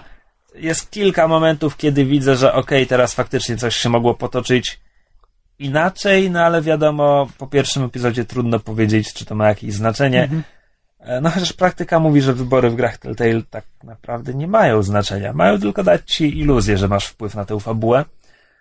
A... No więc zobaczymy. Także e, jakby byłem przekonany, że po prostu, że po prostu oleję ten cykl, bo mówię, Borderlandsów nie znam, nie obchodzą mnie i, i spróbowałem tylko dlatego, że pierwsze recenzje, że tak powiem, na stronach, którym ufam, czyli Rock Paper Shotgun i PC Gamer były pozytywne. A i faktycznie ja też jestem pozytywnie nastawiony. Czekam na więcej. Co nie zmienia tego, że za moment będzie pierwszy epizod gry o Tron. Gry. Gry, gry, gry gra o Tron. No wiecie. Gra, gra o Tron. E, i, I na to czekam bardziej. Właśnie doszedłem do wniosku, że e, gry te, Telltale'a są taką najlepszą e, ilustracją tej teorii historycznej, według której jednostki nie mają znaczenia i bo pewne role się automatycznie zap, zapełniają ludźmi, którzy się najlepiej do nich nadają. I w grach Telltale'a to mniej więcej tak wygląda, że nawet jeśli ktoś umrze, to po prostu jakaś inna postać będzie, wejdzie na jej miejsce. Tak, ale z drugiej strony BioWare w Mass Effectie trzecim to samo przecież zrobił, więc... To pasuje do, do wielu szerszej- gier, w ogóle do Właśnie. wielu gier, które tak uważają, że dają duże wybory. E, To jak jesteśmy przy grach komputerowych, to ja bym jeszcze też chciał wspomnieć o This War of Mine, e, czyli grze polski, polskiego studia, 11 bit. tak, która opowiada jakby, ma być historia cywilów podczas wojny. E, Są cywile jakiegoś em, niesprecyzowanego wschodnioeuropejskiego Przepraszam, miasta. poni- ponieważ nagrywamy tylko audio, słuchacze nigdy nie mają obrazka, obrazek ze studia, my z Kamilem rozmawiamy sobie o grach, panie siedzą w telefonach komórkowych. Chciałam zauważyć, że kiedy ja rozmawiałam o ten, znaczy kiedy ja mówiłam o książce Hira, to też siedzieliście w telefonach, więc Ja sprawdzam, czy samolot mojej sprawdzam matki nie spadł. w kolce, a ja gram w obrazki logiczne. A sobie jak mówiłaś o Hillu, to ja sobie zrobiłem notatkę w Evernote do przeczytania y, Heart Shaped Box i y, y, Shades of Grey. This War of Mind jest grą o cywilach podczas wojny w jakimś fikcyjnym, niesprecyzowanym państwie wschodnioeuropejskim e, podczas jakiegoś niesprecyzowanego konfliktu. E, I e, strona Rock Paper Shotgun nazywa to Steamami podczas wojny, Simsami podczas wojny.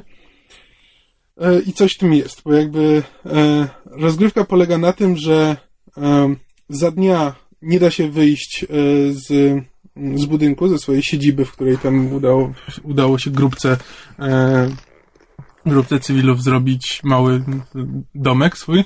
E, No i za dnia nie można wychodzić, bo wszędzie są patrole, mm, patrole wojskowe, snajperzy i jest niebezpiecznie. Więc za dnia pozostaje nam tylko zadbać o to, żeby ludzie odpoczęli, e, żeby mogli, nie wiem, żeby wyleczyć ich albo dać im coś do jedzenia, zbudować, e, można budować e, tam stacje do tworzenia tam kolejnych rzeczy, tam łóżka, sprzęty i tak dalej.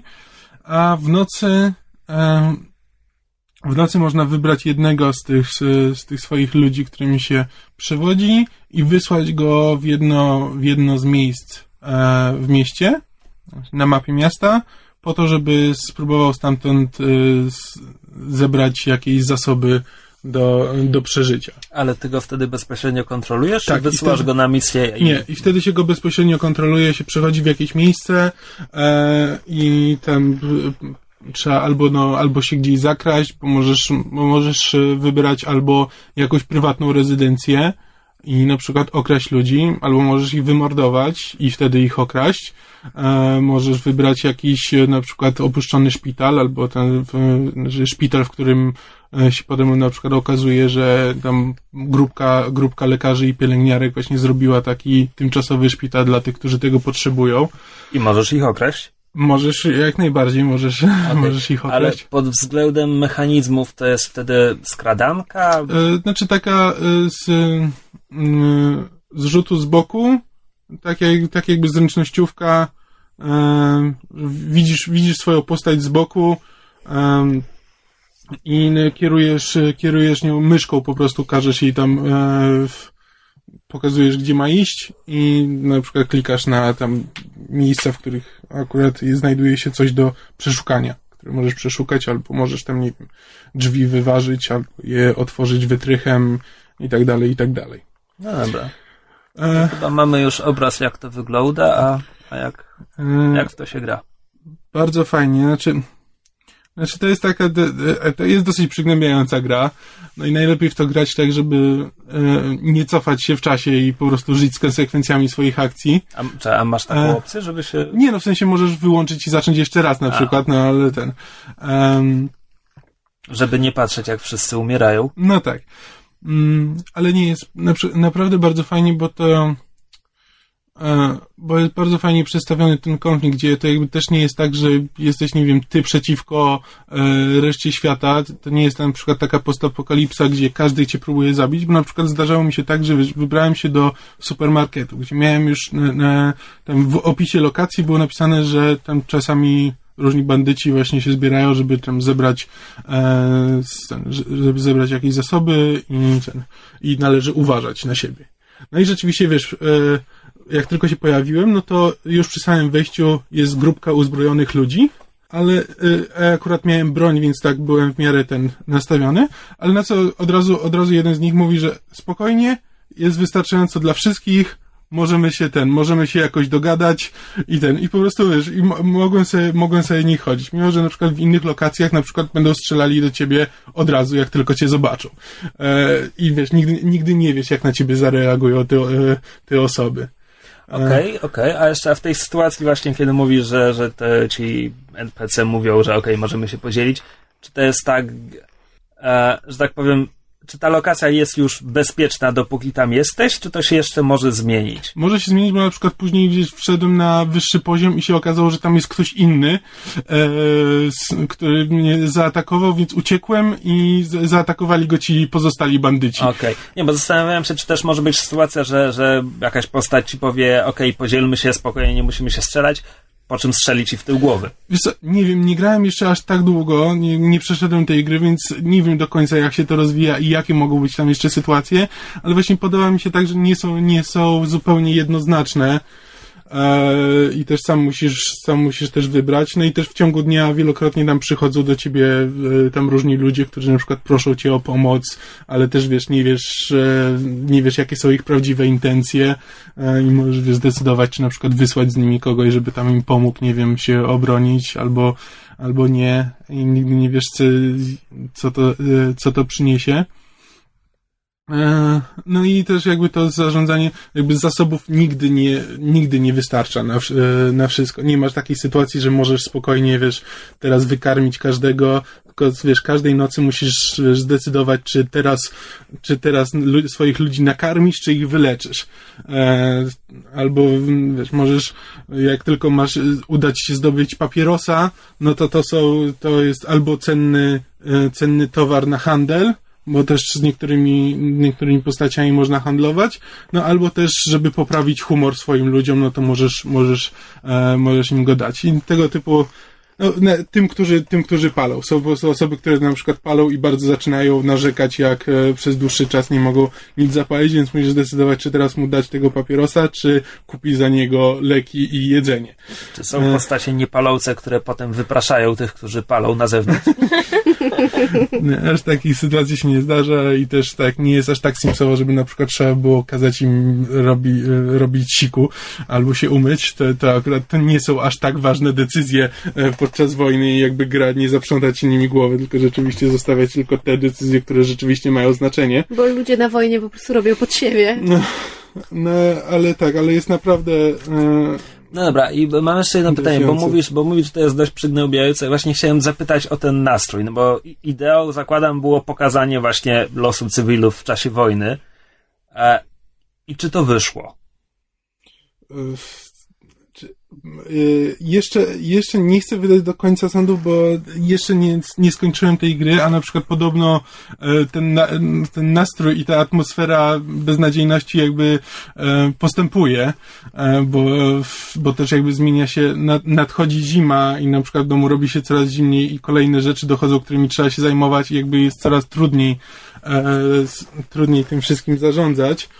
E, No ale właśnie wydaje mi się, że, y, że pokazuje właśnie fajnie, że to pokazuje ci prawdziwy, wiesz, taki stara się przynajmniej pokazać, że ludzi, którzy naprawdę mogliby istnieć, że to nie jest właśnie tak jak mówię, tak jak z tymi na przykład bandytami, że to że bandyci też tutaj, też w tej grze są ludźmi, jakby to są wszystko ludzie, którzy po prostu próbują przeżyć, niezależnie od tego, czy się natykasz na, e, na cywila, to cywil może się okazać twoim wrogiem, jak i bandyta może się okazać akurat sprzymierzeńcem. E, z tego typu, tego typu sytuacje są właśnie fajnie przedstawione, gdzie z, no, nigdy nie wiesz, komu masz zaufać, nie ma żadnych tam e, jasnych, czarno-białych podziałów, tylko wszystko jest takie mm, nie do końca jasne. A czekaj, bo, bo chyba nie pytałem, czy to się wszystko rozgrywa wyłącznie pośród cywili, czy w ogóle widzimy tych żołnierzy, którzy biorą E, tak, udział w wojnie? można, można się natknąć na, e, na żołnierzy, bo tam na przykład je- jeszcze tego, jeszcze tego nie miałem, ale no, jest możliwość na przykład wejścia właśnie do, e, tam do lokacji, które są zajęte przez, przez żołnierzy. I prawdę mówiąc, nie wiem, jak to się jeszcze rozgrywa. No bo teraz z kolei zastanawiam się, czy to, czy jest rozróżnienie między żołnierzami wroga, a tymi, którzy, Nie wiem, nie wiem. którzy teoretycznie walczą za siebie. To jeszcze ja, jak więcej w to zagram, to, to może ten, może coś o tym powiem, ale naprawdę uważam, że jest to warte przynajmniej spróbowania i e, bo jest to naprawdę fa- bardzo fajnie zrobione, przeprowadzone mm, doświadczenie i z, y, bardzo, bardzo wyważone i dobrze wykonane. To teraz przechodzimy do tematu tygodnia, bo poza Krzyśkiem, który jest Który- ponadto, Tak, e, który jest ponad Young Adult Novels ich ekranizację. Tak, byliśmy na Kosogłosie, ale Oddzielnie. Nie, a nie razem, a tego samego dnia. Tego samego dnia. O tej tak, samej godzinie w różnych kinach. To jest taki nasz fajny sposób chodzenia razem do kina. tak. Tylko czasem potem porozumiewamy się SMS-ami pod tytułem było zajebiście, było beznadziejnie. Tak, tak. To był taki moment, kiedy się zorientowałyśmy, że jesteśmy dwoma różnymi osobami. Tak, więc byliśmy na e, Kosogłosie, czyli to jest Igrzyska Śmierci, ostatni tom, e, podzielony zgodnie z nową świecką tradycją na dwa filmy. Tak jest, Więc, część pierwsza. więc innymi słowy, byliśmy na Igrzyskach Kosogłosie części pierwszej. Te tytuły filmów robią się coraz dłuższe. E, zwróciłam uwagę ostatnio, jak próbowałam to zapisać w sposób właściwy, że właściwie jak się pisze recenzję, to jest super, jeśli piszecie na znaki, czy na przykład musicie mieć wierszówkę, to słuchajcie, taki tytuł po prostu załatwia połowę, połowę problemu. No i nie wiem, czy, czy oglądaliście poprzednie części. E, najbardziej. Ja nawet znaczy- przeczytałem, znaczy nawet oboje przeczytaliśmy przeczytaliśmy książki. książki. Mówiłam do naszych słuchaczy. A. Do waszych słuchaczy A. właściwie. E, w każdym razie e, książka, no, książka i film zaczynają się no, dokładnie chwilę po tym, jak kończy się poprzednia, poprzedni tom, czyli nasza główna bohaterka już tym, w te, w tym razem nie startuje w Igrzyskach Śmierci, jakoż iż gdyż jest w tym nieistniejącym dystrykcie 13, który okazuje się istnieć i dobrze egzystować pod ziemią. E, Społeczeństwo tam jest bardzo takie restrykcyjne i takie nam przypominające różne, różne Ustroje. różne ustroje. E, A e, oczywiście odgrywa ważną rolę, ponieważ jest dosyć powszechna zgoda, że będzie idealną, idealną twarzą rewolucji, ponieważ autorka książki bardzo wyraźnie chciała pokazać związek między, między mediami a, a tą antyutopią. W związku z tym wcześniej te Igrzyska Śmierci były największym wydarzeniem telewizyjnym. E, Teraz, teraz główna bohaterka ma zostać twarzą rewolucji. W związku z tym właściwie ta pierwsza część e, rozgrywa się głównie wokół dwóch kwestii, to znaczy po pierwsze jej, jej jeżdżącej po, po, po tym coraz bardziej ogarniętym rewolucją świecie i kręcącej takie pro- propagandowe filmiki. E, A druga sprawa to jest obecność jej, e, jej licznych ukochanych, ale tego jednego właściwego, Konkretnego. czyli Pity. Go się czyta tak jak ten chleb, prawda? Tak. Pi- to, co mnie śmieszy, bo on jest przecież tym speci- Piekarzem. piekarzem. E, No i Pita jest Wierz mi, fandom już zdążył ten temat przewakować na wszystkie możliwe sposoby. E, No i, i, i Pita jest, e, e, nie został odbity jakby przez, przez e, rebeliantów z tego, z No tego, tak, jest więźniem jest kapitolu. więźniem Kapitolu i pojawia się w mediach, gdzie nawołuje do tego, żeby jednak nie wszczynać wojny domowej, żeby jednak powstrzymać rewolucję, Złożyć broń, et, broń etc. etc. No a Złożyć tymczasem... E, e, Tak, przestać uprawiać rolę. tak. A, ty... a tymczasem nasza bohaterka coraz lepiej czuje się w swojej roli, e, ale też, e, też jakby cały czas ma nadzieję i czeka, aż, aż zgodnie z warunkami, które postawiła, e, no, ludzie z dystryktu 13 e, odbiją Pitę z rąk Kapitolu. Mm. I właściwie ten film ma nam pokazywać, jak budzi się rewolucja. E, Nie ma tam, znaczy jest akcja, oczywiście, że jest akcja, ale nie jest tak jakby, nie jest to już tak, że czekamy tylko na bijatykę, wręcz przeciwnie, ten film jest dosyć stonowany pod tym względem. No To Wszystkie- bardziej przypomina jedynkę, a przynajmniej, znaczy pierwszy film, a przynajmniej pierwszą połowę, zanim rzeczywiście wchodzimy to na znaczy, arenę. Oglądamy bardziej świat, no i e, wiemy, że będzie akcja, jeśli czytaliście książkę, to na 100% będzie bardzo dużo akcji, tylko w następnej części. No i Ale ja widziałem zwiastun, jak z łuków strzelają do myśliwców bojowych. E, Tak, ale, ale em, ogólnie tam e, różne rzeczy działają trochę inaczej w naszym świecie. Jednym z nich jest to, jak funkcjonują łuki, a druga rzecz to, jak funkcjonuje społeczeństwo. E, no i e, ogólnie, jeśli, jeśli mielibyśmy nie odwoływać się do naszych opinii, które prawdopodobnie mogą być zróżnicowane, to internet i w ogóle świat przyjął ten film tak okej, dobrze, poczekamy, co będzie dalej. Ani nie było zachwytów, ani nie było wielkiego wielkiego potępienia. Mam wrażenie, że tak trzy gwiazdki na pięć, jeśli, jeśli, jeśli mówimy takim, e, takim e, tonem. Natomiast nie wiem, właśnie to jest ciekawe, ja mówię w ciemno, nie wiem, co mysza myśli o tym filmie, więc zaraz się dowiem, więc myszu. To może zacznijmy od, od e, Kamila. Kamila. Kamil. Kamil, Nie, ale autentycznie, dlatego że Kamil, Kamil podszedł do tego. My z Kamilem mamy dwa różne podejścia do tego filmu z bardzo prostego względu. Kamil. Um, znaczy, podobały ci się książki, ale nie masz jakiejś strasznie emocjonalnej, Mhm. silnej więzi z nimi związanej. Więc Kamil podszedł do filmu na zasadzie, wiesz. Um, po pierwsze, część, try, e, część trylogii, po, po drugie, jakby Kwa- film sam w kwadrologii? sobie. E, Kłatrologii, no bo to jest Nie, to jest trylogia ten... w czterech częściach. Tak, ja do, ko- do Kosogłosa mam w tym momencie podejście mniej więcej takie jak do właśnie do książek e, Gry Śmierci. Znaczy, mam bardzo dużo zastrzeżeń, e, ale też uważam, że jest to jedna, e, takie książki były, mimo z moich zastrzeżeń, uważam, że wciąż są jedną z lepszych e, książek e, Young Adult. E, z jedną z taką najmniej krzywdzących, że tak powiem, psychikę. Czekaj, a ile ich czytałeś? E, znaczy, czytać nie czytałem, znaczy widywałem adaptację, no. A, E, I słyszał ode mnie. tak, jakby mysz mi na bieżąco jakby zawsze opowiada. E, jakby z takich właśnie na, najmniej głupich.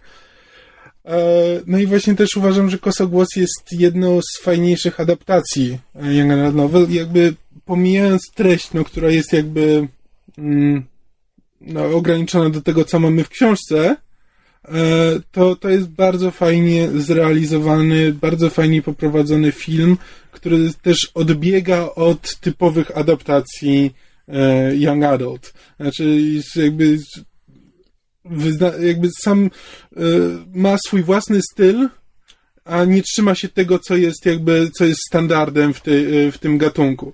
I po prostu robi, robi to wszystko po swojemu i też mam nadzieję, że jakby wyznacza pewne, wyznacza pewne standardy, tak jak Igrzyska Śmierci wyznaczyły potem standardy dla kolejnych setek e, powieści, to liczę, że ten film też może wyznaczyć standardy e, ekranizowania e, tych powieści później, bo, bo naprawdę robi to bardzo sprawnie, ma bardzo, ma bardzo fajny klimat, który nie próbuje być przefajnowany, próbuje być stonowany i jakby i, i po prostu no, mimo że to jest, mimo że ta treść może być głupia, to film jakby przyjmuje to na klatę i jakby bierze, bierze tą treść bierze jakby konsekwencje działań bohaterów i pokazuje jakby z pełną powagą i ze wszystkim tym, co się z,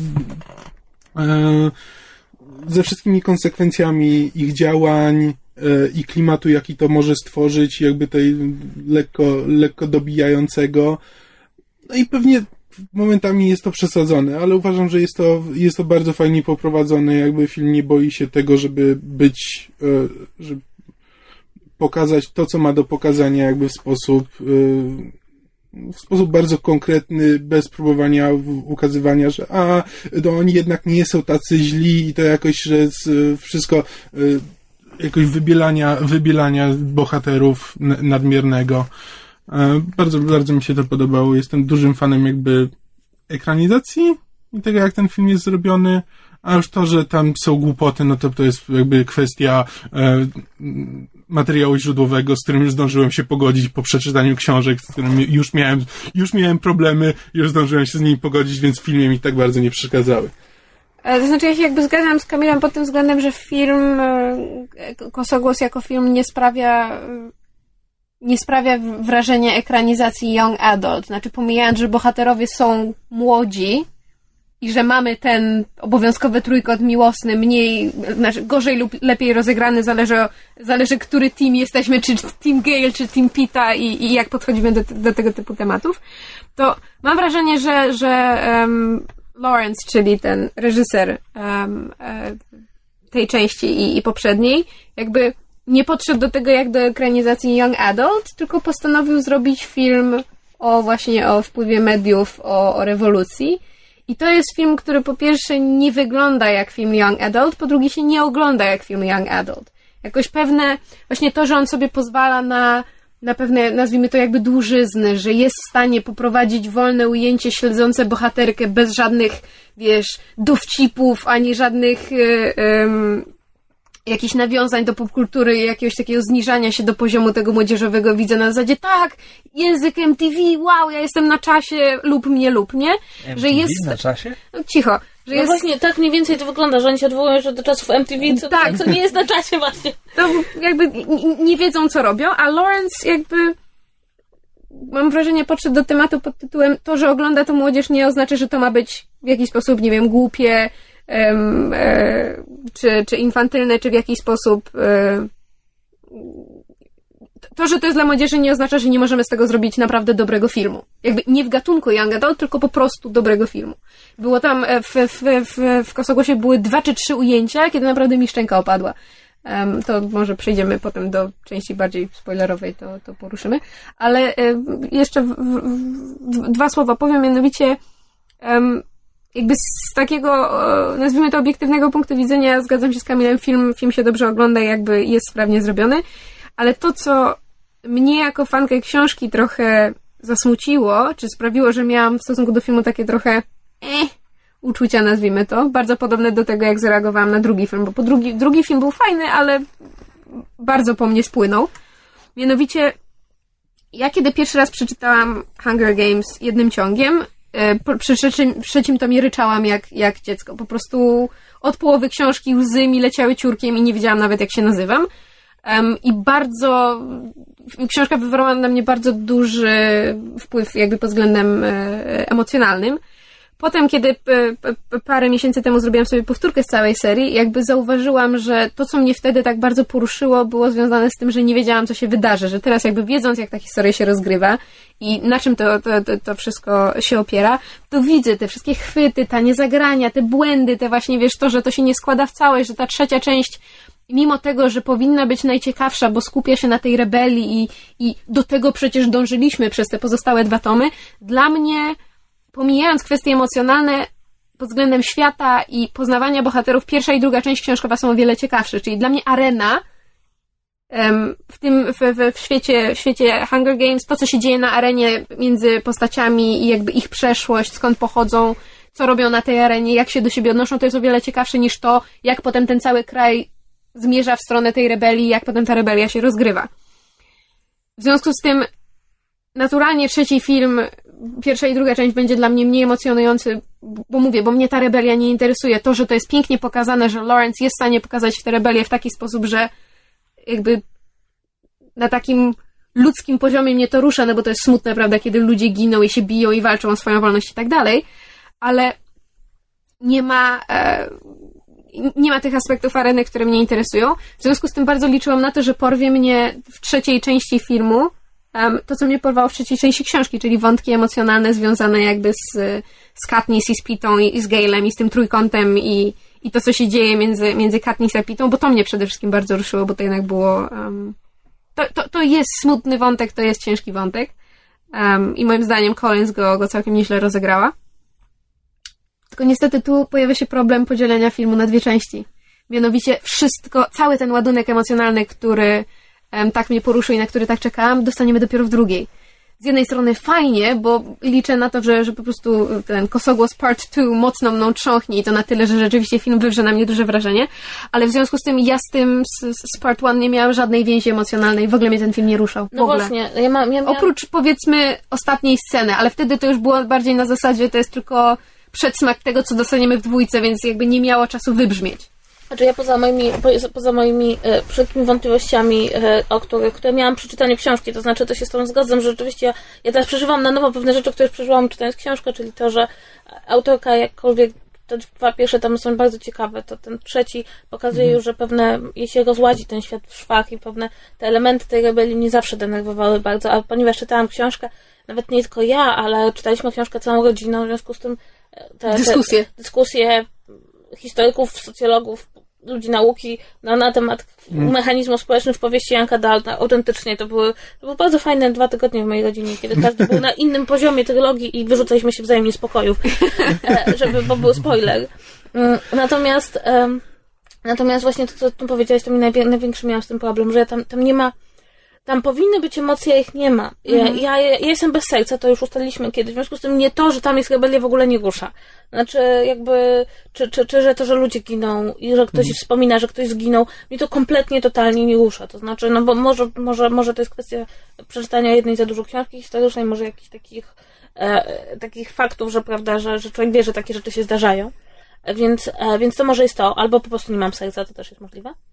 E, I, I właśnie ten ładunek, taki, ten, ten, ten trójkąt emocjonalny, który powinien być dobry, i on kompletnie tam. Znaczy, ja Znaczy, miałam, jego tam nie ma po go prostu. tam nie ma, a to, co powinno być, powinno się znajdować w grze aktorskiej. I tu mam wrażenie, że, że mój problem był taki, że aktorzy mi nie byli tego w stanie na tyle dobrze sprzedać, żebym ja, nie mając tego głównej części tego wątku, już zaczęła czuć, że, że tam coś będzie. E, I, i, I ja wyszłam z tego filmu, właściwie wiecie co, to jest bardzo ciekawe, bo ja lubię być zła na filmy Mhm. i lubię, jak mi się filmy podobają. Nienawidzę, kiedy wychodzę z filmu i... I eh, Ech, i mam dokładnie to samo. usiadłam do recenzji, napisałam recenzję, która była dosyć krytyczna, ale nie napisałam jej z takim całym sercem, energią. I w sumie, gdyby mi ktoś powiedział, że to jest najlepszy film na świecie, to bym zrobiła takie ech. A ja lubię się kłócić, lubię, lubię mieć takie poczucie, prawda, że mam jakąś więź z filmem. No i to jest moje, to, to było pytanie, które sobie zadałam i które mnie cały czas prześladuje, czy to był dobry pomysł, żeby to były dwa filmy.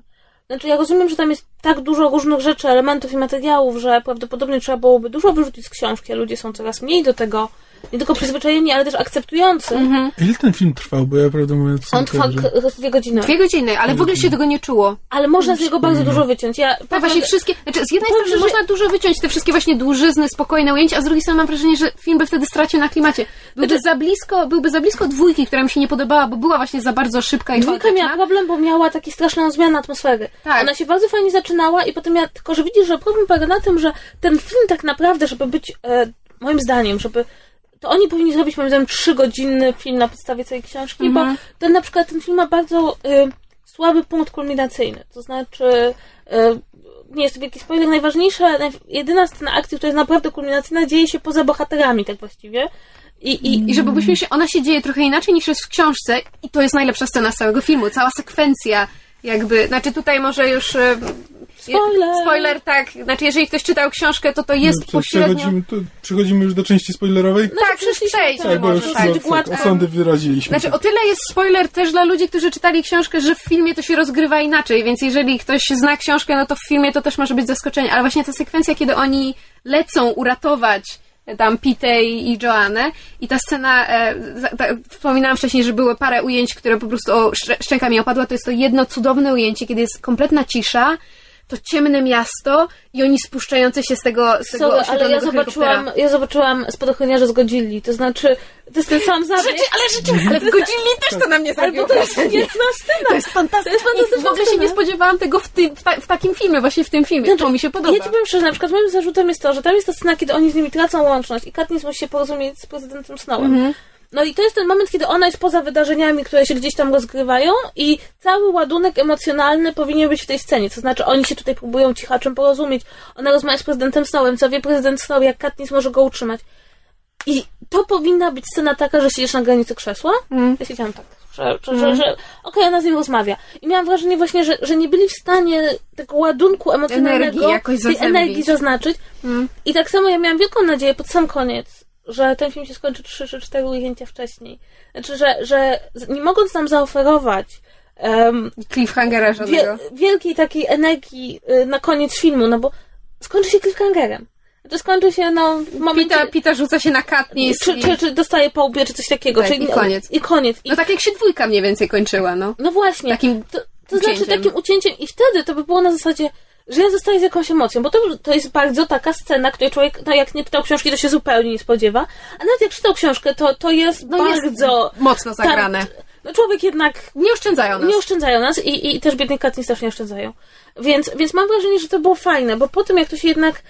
Ja wiem, że tam jest druga scena, która ma cię ruszyć, ta na samym końcu, ona Mhm. już mnie nie ruszyła, bo była moim zdaniem za, za, za, za wolno rozegrana, dała mi za dużo przestrzeni. Mhm. Znaczy, wizualnie to było fajnie rozegrane, wiesz, z tym białym pokojem, gdzie ona się zbliża, potem go widzimy rzucającego się, jakby też aktorsko jednak taka scena wymaga... Tak, ale z, z jej strony bardziej niż z jego śmiesznie wyglądał, ja przepraszam. Tak. Ale, ale też właśnie a propos aktorsko, bo dla mnie to jest ten problem z, to, z tym filmem. Ja Jestem bardzo ciekawa, co powiesz, bo ja też mam Znaczy, zarzuty. Ja, ja, chcia- zanim- jak to zgubię, chciałem tylko odnieść się do tego, że ta scena się, ta ostatnia scena bo odbywa się jakby poza bohaterką, jakby to mi się właśnie, a to mi się najbardziej podobało, bo właśnie jest, e, jest bardzo, jest bardzo dobrą konsekwencją jakby całego filmu, w którym jakby całość tej wojny odbywa się poza Ale mi się to bohaterką. też bardzo podobało. Ona, tak. ona jakby tylko, ona doprowadziła do tego, ale nie ma żadnego wpływu na, na te działania, tylko może wiesz, patrzeć i się ten... Ale ja się zgadzam, zabieg jest doskonały. Mm. Tylko y, trzeba widzowi zaoferować, jakby ona w pewnym momencie ma, jest jej moment. No I, tak. i, I chodzi mi o to, że Okej, nie są ja za, za płasko. Tak, ja mam Bo wrażenie, że Lawrence, znaczy Jennifer Lawrence w tym momencie jakoś w tej scenie czegoś w niej zabrakło. W Ona ogóle- normalnie ma taką iskrę, no. Ale w ogóle ja mam wrażenie, że w tym filmie czegoś Jennifer Lawrence zabrakło. Ja ją bardzo lubię, ja uważam, Ale nie tylko jej. że to jest dolna aktorka, ale w tym filmie gra jakby musiała. Bardzo niestety, no ja, ja ba- młody Hemsworth, to znaczy, bo jest dwóch Hemsworthów, jest Hemsworth, który jest Torem i, i, proszę? Liam. Liam, Liam Hemsworth, który nie jest Torem, jest, jest e, w Igrzyskach i, i dla mnie, no niestety, e, Nigdy nie był zbyt... przez jego aktorstwo nie jest się w stanie przebić postać Gale'a i to jest przykre, bo przez to ten trójkąt, który powinien być bardzo emocjonalny jest... Kompletnie ten E, natomiast ja nigdy nie pamiętam, jak się nazywa aktor, który gra Pita. Josh Hutcherson. On bardzo ładnie z przekazu na przekaz wygląda coraz gorzej. Ja wiem, że to jest makijaż, ale też jakby... Znaczy, jeżeli możemy nas na moment się przy tym zatrzymać, dla mnie część. E, e,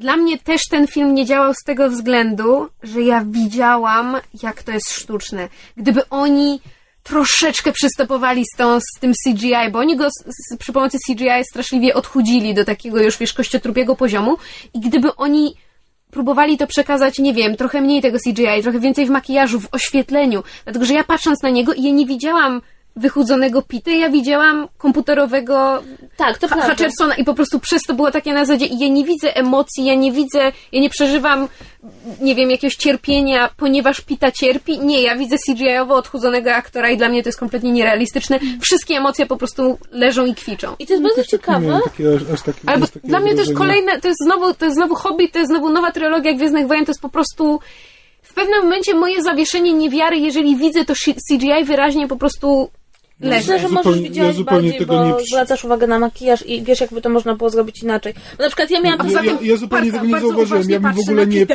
Ja bym w ogóle nawet nie, wiesz, nie powiedział, że to jest CGI. Ja w ogóle nie widziałem tam CGI. No, Ja też myślałam, że odchudzili biednego Pita. Natomiast mnie, mnie, muszę powiedzieć, że to jest ciekawe, bo pierwszy plan gra średnio, natomiast drugi plan gra doskonale. Mm. Em, jak się nazywa ten aktor, który gra Finika? E, Sam Claflin. O, dziękuję. Ja Ja zawsze mówię. Claflaflin. Clive Laughlin gra bardzo dobrze, ma bardzo niewiele scen, ale ja jakby miałam takie poczucie, że w nim jest dużo więcej tego, tego mm, tej pamięci tej areny, tego nie do końca odnalezienia się w sytuacji i tego przede wszystkim tej strasznej, strasznej chęci odbicia tych ludzi, to znaczy te, te, tego ciągłego lęku tych ludzi. E, oczywiście nieodżałowany Philip Seymour Hoffman gra doskonale. E, moim zdaniem Julianne Moore gra źle w tym filmie. To znaczy ona jest tak ewidentnie znaczy, ja miałam tak, jak ona się pojawia, to jest tak ewidentnie postać, której ja kompletnie nie ufam. Wiem, że ona ma coś złego na myśli. I powiem polega na tym, że oczywiście jak się czytało książkę, to się wie, jakby jakie znaczenie ma ta postać. Ale ona nie powinna od pierwszego momentu budzić takiej niechęci. Zwłaszcza, że w Ale- książce dowiadujemy się tego bardzo stopniowo, że ona ma jakieś... Znaczy, ja mam wrażenie, Ale ale chodzi nie o to, że dobrze, iż- ale ja w, książce też jej od samego początku nie, Nie, ale ufałem. chodzi mi o to, że jeśli Katniss jej ufa, to widz powinien na początku jej zaufać, ona powinna mieć trochę więcej takich, e, takich cech. Zresztą w ogóle mam wrażenie, że taka płaska rola. Natomiast bardzo mi się podobał e, Halson, e, bo... I, I jak się nazywa, Boże drogi, teraz aktorka, która gra Effie? Elizabeth Banks. E, Słuchajcie, i oni oboje są po prostu taką energią w tym filmie. No ale I- bo i- oni są tymi postaciami, oni już po prostu I po prostu ta wymiana zdań, jedna z nielicznych, dowcipnych wymian zdań w ogóle. W tym filmie, kiedy on, on, on mówi, że woli ją bez makijażu, ona, że woli go trzeźwego i on w tym momencie robi taką minę. I pomyślałam, nareszcie mam poczucie, że widzę ludzi. To znaczy, że, że, że widzę kogoś więcej niż tylko tą napisaną z góry postać i było, i naprawdę oni oboje bardzo, bardzo fajnie... Mm, fajnie zagrali. Natomiast były takie mom- tak, no, moim największym jakby żalem w ogóle do tego filmu jest to, że Marillion z Natalie Dormer nic z nią nie zrobili. Jedyna rzecz, która tam jest, to jest dobra aktorka, której wiemy, że jest doskonała i potrafi świetnie grać i nawet jak się pojawia w serialu na cztery odcinki, to wszyscy potem pamiętają tylko ją. E, I ona tam właściwie nie prezentuje nic poza ogolonym połową głowy. No, ale w ogóle taką postać daje, bo ja w ogóle, ja w ogóle nie, nie kojarzę tej postaci z książek. Ja w ogóle zapomniałem, że tam była Bo w jakakolwiek książkach ona reżyserka. od, odgrywała bardzo niewielką rolę, bo ona była tylko jakby Ale- reżyserką. Ale no. jeśli oni ją już obsadzili, ja uznałam, że skoro wzięli aktorkę znaną i... Znaczy, wiesz co, i, i, i w dwójce jeszcze się wiele może wydarzyć, oni to mogą Ja dowolnie wiem, ale miałam wrażenie właśnie, że aktorsko ten film nie był... w- Nie, nie, nie, jakby aktorzy nie byli mi w stanie dać tyle emocji, żeby wypełnić fakt, że nie ma y, y, akcji. Ja, ja nie jestem osobą, która musi mieć akcję w filmie. Ja się zgadzam, absolutnie. E, Ale, ale jeśli nie ma akcji, to trzeba ją czymś zastąpić. Emocje, dobre aktorstwo, ewentualnie takie poczucie, że, że wchodzimy w ten świat bardzo głęboko. Ja tego nie miałam, bo że nie byłam tak, tak poza, poza, poza oczywiście jednym elementem, który był niesamowity w tym filmie, czyli muzyką. Mm. Y, I Kosokus na pewno trafi na moją listę. Filmy, które nie do końca mi się podobały, ale miały zajebistą muzykę. Tak, to rzeczywiście i, i jakby ten y, soundtrack, który to chyba James Newton Howard zrobił i, i piosenki, które były do filmu dobrane i właśnie i jakby to jak, znaczy jeden zarzut mam do, do tej piosenki The Hanging Tree, czyli tego jakby zresztą w, w fantastycznie rozegranej w filmie na początku, kiedy jest, prawda, to spokojne śpiewanie przy jeziorze, a potem jest, dołączają się chóry, jest śpiewane jako ten hymn ludu idącego na I to, jest, I to jest bardzo fajne, jeśli mogę dodać, to jest naprawdę rzeczywiście Can real, you hear the people sing? Tak, ale, ale to jest e, prawda, że e, jak się słucha tej piosenki, to ona kompletnie jakby ma inny wydźwięk. I to jest super wykorzystany motyw, że hymnem rewolucji, że rzeczywiście zdarzają się piosenki, których treść Mhm. z samą rewolucją nie zawsze ma do końca coś wspólnego, albo jest trochę przypadkowa. I to jest Znaczy, fajne. Dla mnie jedyną, je, je- jedyne, co mogę tej piosence zarzucić i to jest tylko i wyłącznie kwestia mojego jakby muzykalnego ucha i tego, że prawda, jak- jak to się nazywa? Symetria estetyką idiotów. Że ta piosenka, ona zmienia tempo w trakcie lecenia, dlatego że Katni zaczyna śpiewać w wolnym tempie, które stopniowo coraz bardziej narasta, aż nabiera takiego bardzo szybkiego marszowego tempa, żeby być tą pieśnią rewolucji. I to sprawia, że mimo, że piosenka nadal jest piękna, traci ten rytm, znaczy traci to piękno wynikające z powolnego, stałego rytmu. Ale to jest jakby takie zupełnie Ale- już... Jest tyle mega super coverów w internecie. Tak, wiem, Oni słyszałam. wypuścili ten filmik z tą piosenką, bo natychmiast go zdjęli. Tak. I, I pojawiło się mnóstwo coverów. Ja zanim znalazłam oryginalną wersję, to przesłuchałam 5 czy 6. Jest taki jakiś chłopak, który to śpiewa takim, takim głosem takiego przepitego faceta skądś. I jest absolutnie cudowne, więc jakby jeśli ci się nie podoba wersja, która jest w filmie, to nie, ona mi się sobie- bardzo podoba, tylko to, mówię, to jest to, Czy- zarzut Najgorsze jest tytułem- to, że człowiek wychodzi z, z, z, z tego skina i, i śpiewa? My, myśmy całą drogę do domu Nie śpiewali tę się od piosenkę. tego po prostu No. odczepić. Natomiast, natomiast akurat motyw piosenki mi się bardzo podobał, bo wydawał mi się w filmie, który robi bardzo moim zdaniem dużo błędów, jeśli chodzi o reakcje społeczne, zachowania społeczne. Akurat ten motyw rozegrano tak, jakby moim zdaniem, rzeczy, znaczy moim zdaniem, no jak historia nas uczy, rzeczywiście, rzeczywiście się rozgrywa. Ja się zgadzam niestety, że, że pod względem jakby emocji, e, ponieważ film nie ma dużo akcji, bardzo dużo, duży ciężar spoczywał na emocjach i na aktorstwie i oba te elementy padły. To znaczy emocji, emocji nie było z tego względu, że cały trójkąt miłosny, czyli główne emocje związane z czymś innym niż rewolucja, pojawią się dopiero w drugim, e, w drugim filmie. Em, ale nawet nie tylko trójkąt miłosny, dlatego że zauważ, że bardzo wiele emocji też na przykład wynika z tego, czego się dowiadujemy o przeszłości Finika jak jego motyw zostaje potem rozegrany w finale. To wszystko też dostaniemy, znaczy część tego dostaniemy w drugiej części, część dostaliśmy teraz, ale ponieważ była em, nałożona na, na, na tę akcję ratunkową, to też kurde padło. Tak, a to jest, to jest bardzo ciekawe, bo on mówi bardzo dużo fajnych i ciekawych rzeczy, bardzo zresztą ważnych z punktu widzenia jakby postrzegania tego świata. I, I tej postaci i w ogóle dlaczego on jest jaki jest, no I w ogóle to jest bardzo ciekawe, bo Finik powinien być taką, jest taką postacią, do której mamy najpierw uprzedzenie i ona nam się zmienia w Mhm. oczach. I aktor to zagrał, tylko film nie jest mu w stanie dać wystarczająco dużo przestrzeni. E, Finik to jest która postać grana przez kogo? Sam Claflin. Slam, Slam Claflin. Sam Claflin. Sam Claflin to jest e, taki e, rybak z trójzębem. Nic ci to nie powiem. Nie, nie, po prostu, ponieważ imiona mi nic nie mówią, tylko czasami jak słyszę Harrelson, Seymour Hoffman, to zaczynam się interesować. No więc jakby... Znaczy, dla mnie właśnie najgorsze jest, to jest właśnie, y, bardzo mi się podoba, że atmosfera jest stonowana, tylko że na tle tej, tej stonowanej atmosfery te emocje powinny być mimo wszystko bardziej wyciągnięte na wierzch i e, bardziej widoczne, a też zostały stonowane i po prostu jakby wy- wykastrował ten film trochę te emocje. To znaczy, jak, Trochę wykastrował, tak, Trochę. tylko częściowo. Je, jedno jajo. e, Nie, to znaczy, jak ktoś mi zarzucał, że mi się nie podoba podzielenie tego filmu na dwie części, na przykład uważam, że to, jak zrobiono to przy Potterze, to to miało wielki sens, mimo że w pierwszej części Pottera nic się nie dzieje. Ach, ja, Ale- ja, ja tak nie lubię Nie, siódmego, ja, siódmego ja się z tobą absolutnie nie zgadzam. Ta pierwsza część e, Ale ja z, mogę- z Harry'ego Pottera sprawiała mi ból. Ale ja właśnie chodzi mi o to, że ona sprawia między innymi ból, dlatego że tam było bardzo dużo emocji bohaterów i bardzo dużo bezradności. I człowiek się czuł równie bezradny wobec tego, że nic nie wiedzą, jak, jak oni czuli się bezradni wobec tego.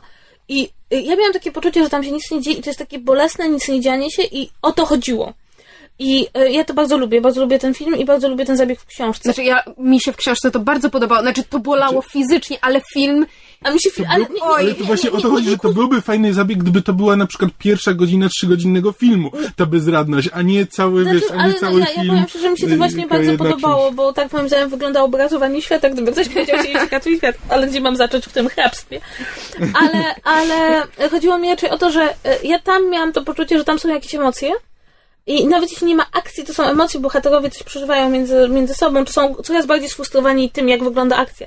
A tu właśnie niestety, niestety miałam stonowanie i ani w dialogach, ani w aktorstwie, ani w zachowaniu bohaterów nie miałam tego, że, że to mnie by przyciągało i e, mam też takie wrażenie, i to się strasznie często spotkałam z tą opinią, że kiedy się krytykuje właśnie e, Kosogłosa za to, że tam się za bardzo nic nie dzieje, to ludzie mówią, bo jesteś przyzwyczajony do wybuchów, jesteś przyzwyczajony do małej ilości dialogów, nie jesteś w stanie wytrzymać takiego powolnego filmu, takiej powolnej narracji, ale ja mam wrażenie, że ta powolna narracja sugeruje, że tam coś jest, ale kiedy się właściwie człowiek próbuje przyjrzeć bliżej, to tam nic nie ma. I to jest bardzo denerwujące, bo ja cały czas czekałam z każdą minutą filmu, kiedy, kiedy oni się obudzą. Kiedy... Ale to jest bardzo łatwo jakby zbić ten argument, po- porównując Kosogłosa do pierwszego filmu, gdzie też pierwsza połowa filmu, zanim oni wejdą na arenę, jest spokojna, właściwie nic się nie dzieje, wszystko się rozgrywa, nie wiem, na twarzy Katniss, kiedy ona się szwenda po tym lesie, w jakichś szczątkowych dialogach, w jakichś nie do końca wyrażonych emocjach, ale tam to działa, a tutaj nie, tutaj to wszystko leży i kwiczy.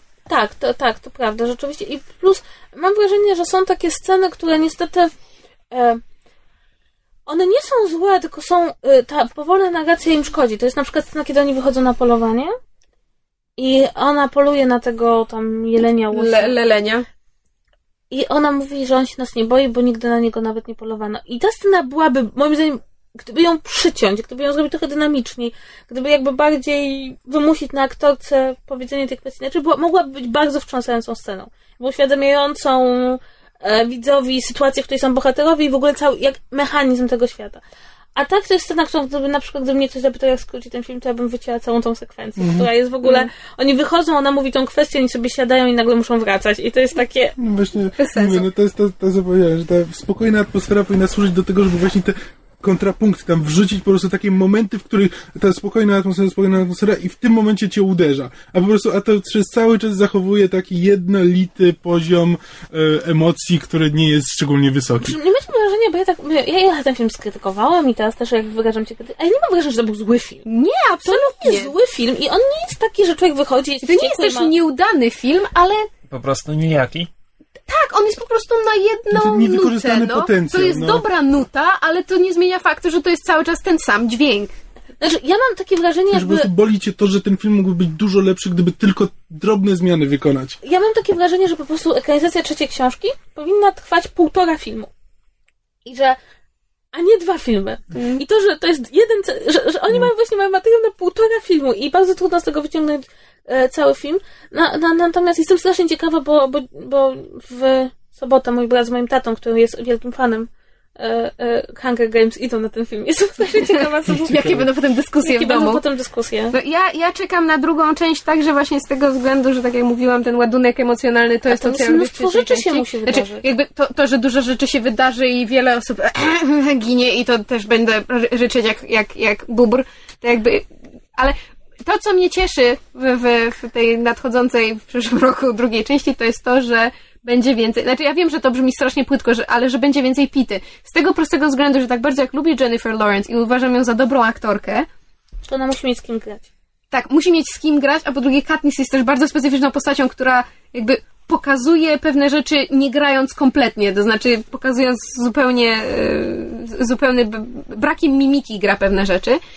I tak jak rola e, Gale'a niestety trafiła na aktora, który nie podołał, no ładnie, miło na niego się patrzy, ale nie, ten Gale książkowy nie, nie przebija. I tak jak rola Finika została bardzo ograniczona w, filmach, mimo że Claflin z kolei jest dobrym aktorem, który byłby w stanie jakby tę postać em, nadać jej więcej mięsa, że tak powiem, na, e, i jakoś, jakoś ją lepiej wypełnić. Tak, e, pomijając e, Harrelsona i pomijając Banks i właśnie te postacie drugoplanowe, które są bezbłędnie grane, em, dla mnie z, z, z głównych aktorów właśnie Josh Hutcherson jest tym, który w każdym filmie podołał aktorskiemu zadaniu i grał w taki sposób, że ja byłam w stanie po pierwsze uwierzyć w to, co grała, po drugie to był ten książkowy Pita, ja nie miałam żadnego rozdźwięku. I tak strasznie mnie boli, że w tym filmie było go tak mało i jak był, to był podrasowany komputerowo, więc czekam na tę drugą część, żeby on mi wreszcie pokazał, że nie bez powodu twierdzę od, od momentu obsadzenia, że to jest mój Pita, że to jest ten Pita, w którym, w którym się zakochałam w książce i któremu kibicowałam. Znaczy, ja mam, ja mam do Was jeszcze jedno. To jest, to jest wątek, który będzie z takim mega spoilerem, że jeśli, że w tym momencie powinniście wyłączyć podcast. Spoiler, spoiler, spoiler, spoiler, spoiler, spoiler, spoiler.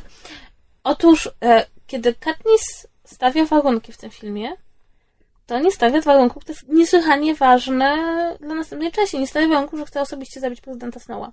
Mm. Ja się zastanawiam, jak oni go wprowadzą, bo to jest coś, co jest jakby mm, e, e, e, wprowadzone bardzo wcześnie i ma niesłychane konsekwencje pod koniec książki, Mhm. prawda? Zwłaszcza, że to, że to ona osobiście chce, chce dokonać tej egzekucji, prawda? Mhm. Mm, Co jakby jest, powiedziałabym, największym twistem książki i, i momentem niesłychanie emocjonalnym. Tak, no jakby też wiele nam mówi o postaci i o tym, w jakim ona jest miejscu emocjonalnie, no no, wszystko. I, i, I też jakby sprowadza, no pom- pomijając już fakt, że, że sprowadza tą rozgrywkę między, między nią a Snonem do rzeczy bardzo osobistych, to zresztą jeden z moich ukochanych wątków w, film, w filmie i w książce, ale w filmie zdecydowanie bardziej, ponieważ u Snowa gra Donald Sutherland i gra go znakomicie, O, nie powiedzieliśmy o nim, no to, to jakby ta więź między Snowem a Katniss jest, jest, Katniss jest, jest doskonale zagrana przez oboje aktorów. Natomiast problem polega na tym, że jakby jak oni wprowadzą ten warunek, powinien się pojawić bardzo wcześnie, żeśmy nie zdawali sobie sprawy, no on jest tak inteligentnie zrobiony, jakie on będzie miał konsekwencje dla finału całej historii. Jestem bardzo ciekawa, co oni z tym zrobią i dlaczego go pominęli tutaj, bo, bo, bo, bo gdyby go wrzucili, to by było to to prawdopodobnie widz by na to nie zwrócił uwagi, a potem by wyszło to, że to jest jednak e, dosyć stara konstrukcja. Znaczy ja nie wiem, może, może będą próbowali to w drugiej części. Jako, jako osobny ten, tak, jako... na, na zasadzie, że torturowałeś Pitę, zemszczę się na tobie, bla bla tak, bla. ale to jest fajne, że ona stawia im ten warunek. Nie, ja, ja się absolutnie zgadzam, że... Chodzi mi o to, że ja mogę bardzo wiele Susan Collins zarzucić, ale rzeczywiście, e, jak się patrzy na jej książki, to jak one są stale skonstruowane, to widać, że ona chciała napisać trylogię, prawda? Że, że to nie było tak, że ona napisała trylogię, bo pierwsza książka się dobrze sprzedała. Ona chciała napisać tą trylogię. I to jest taki jeden z takich zabiegów, który sugeruje, że autor. Dosyć wcześnie wie, co będzie dużo później, co ja zawsze bardzo cenię. E, No i tego nie było. Jestem, I mam wrażenie, że to był świadomy zabieg. W związku z tym, co oni, jak oni chcą wprowadzić ten wątek e, w drugiej części? No, to, to było taki, to było mój taki spoilerowe pytanie. Koniec spoilera. No, Najlepszy w filmie jest kot. tak. I, pod, I żądanie pod tytułem Moja siostra zatrzyma kota. To on świetnie zagra na scenę, więc ogólnie pójdźcie dla filmu na, na kota.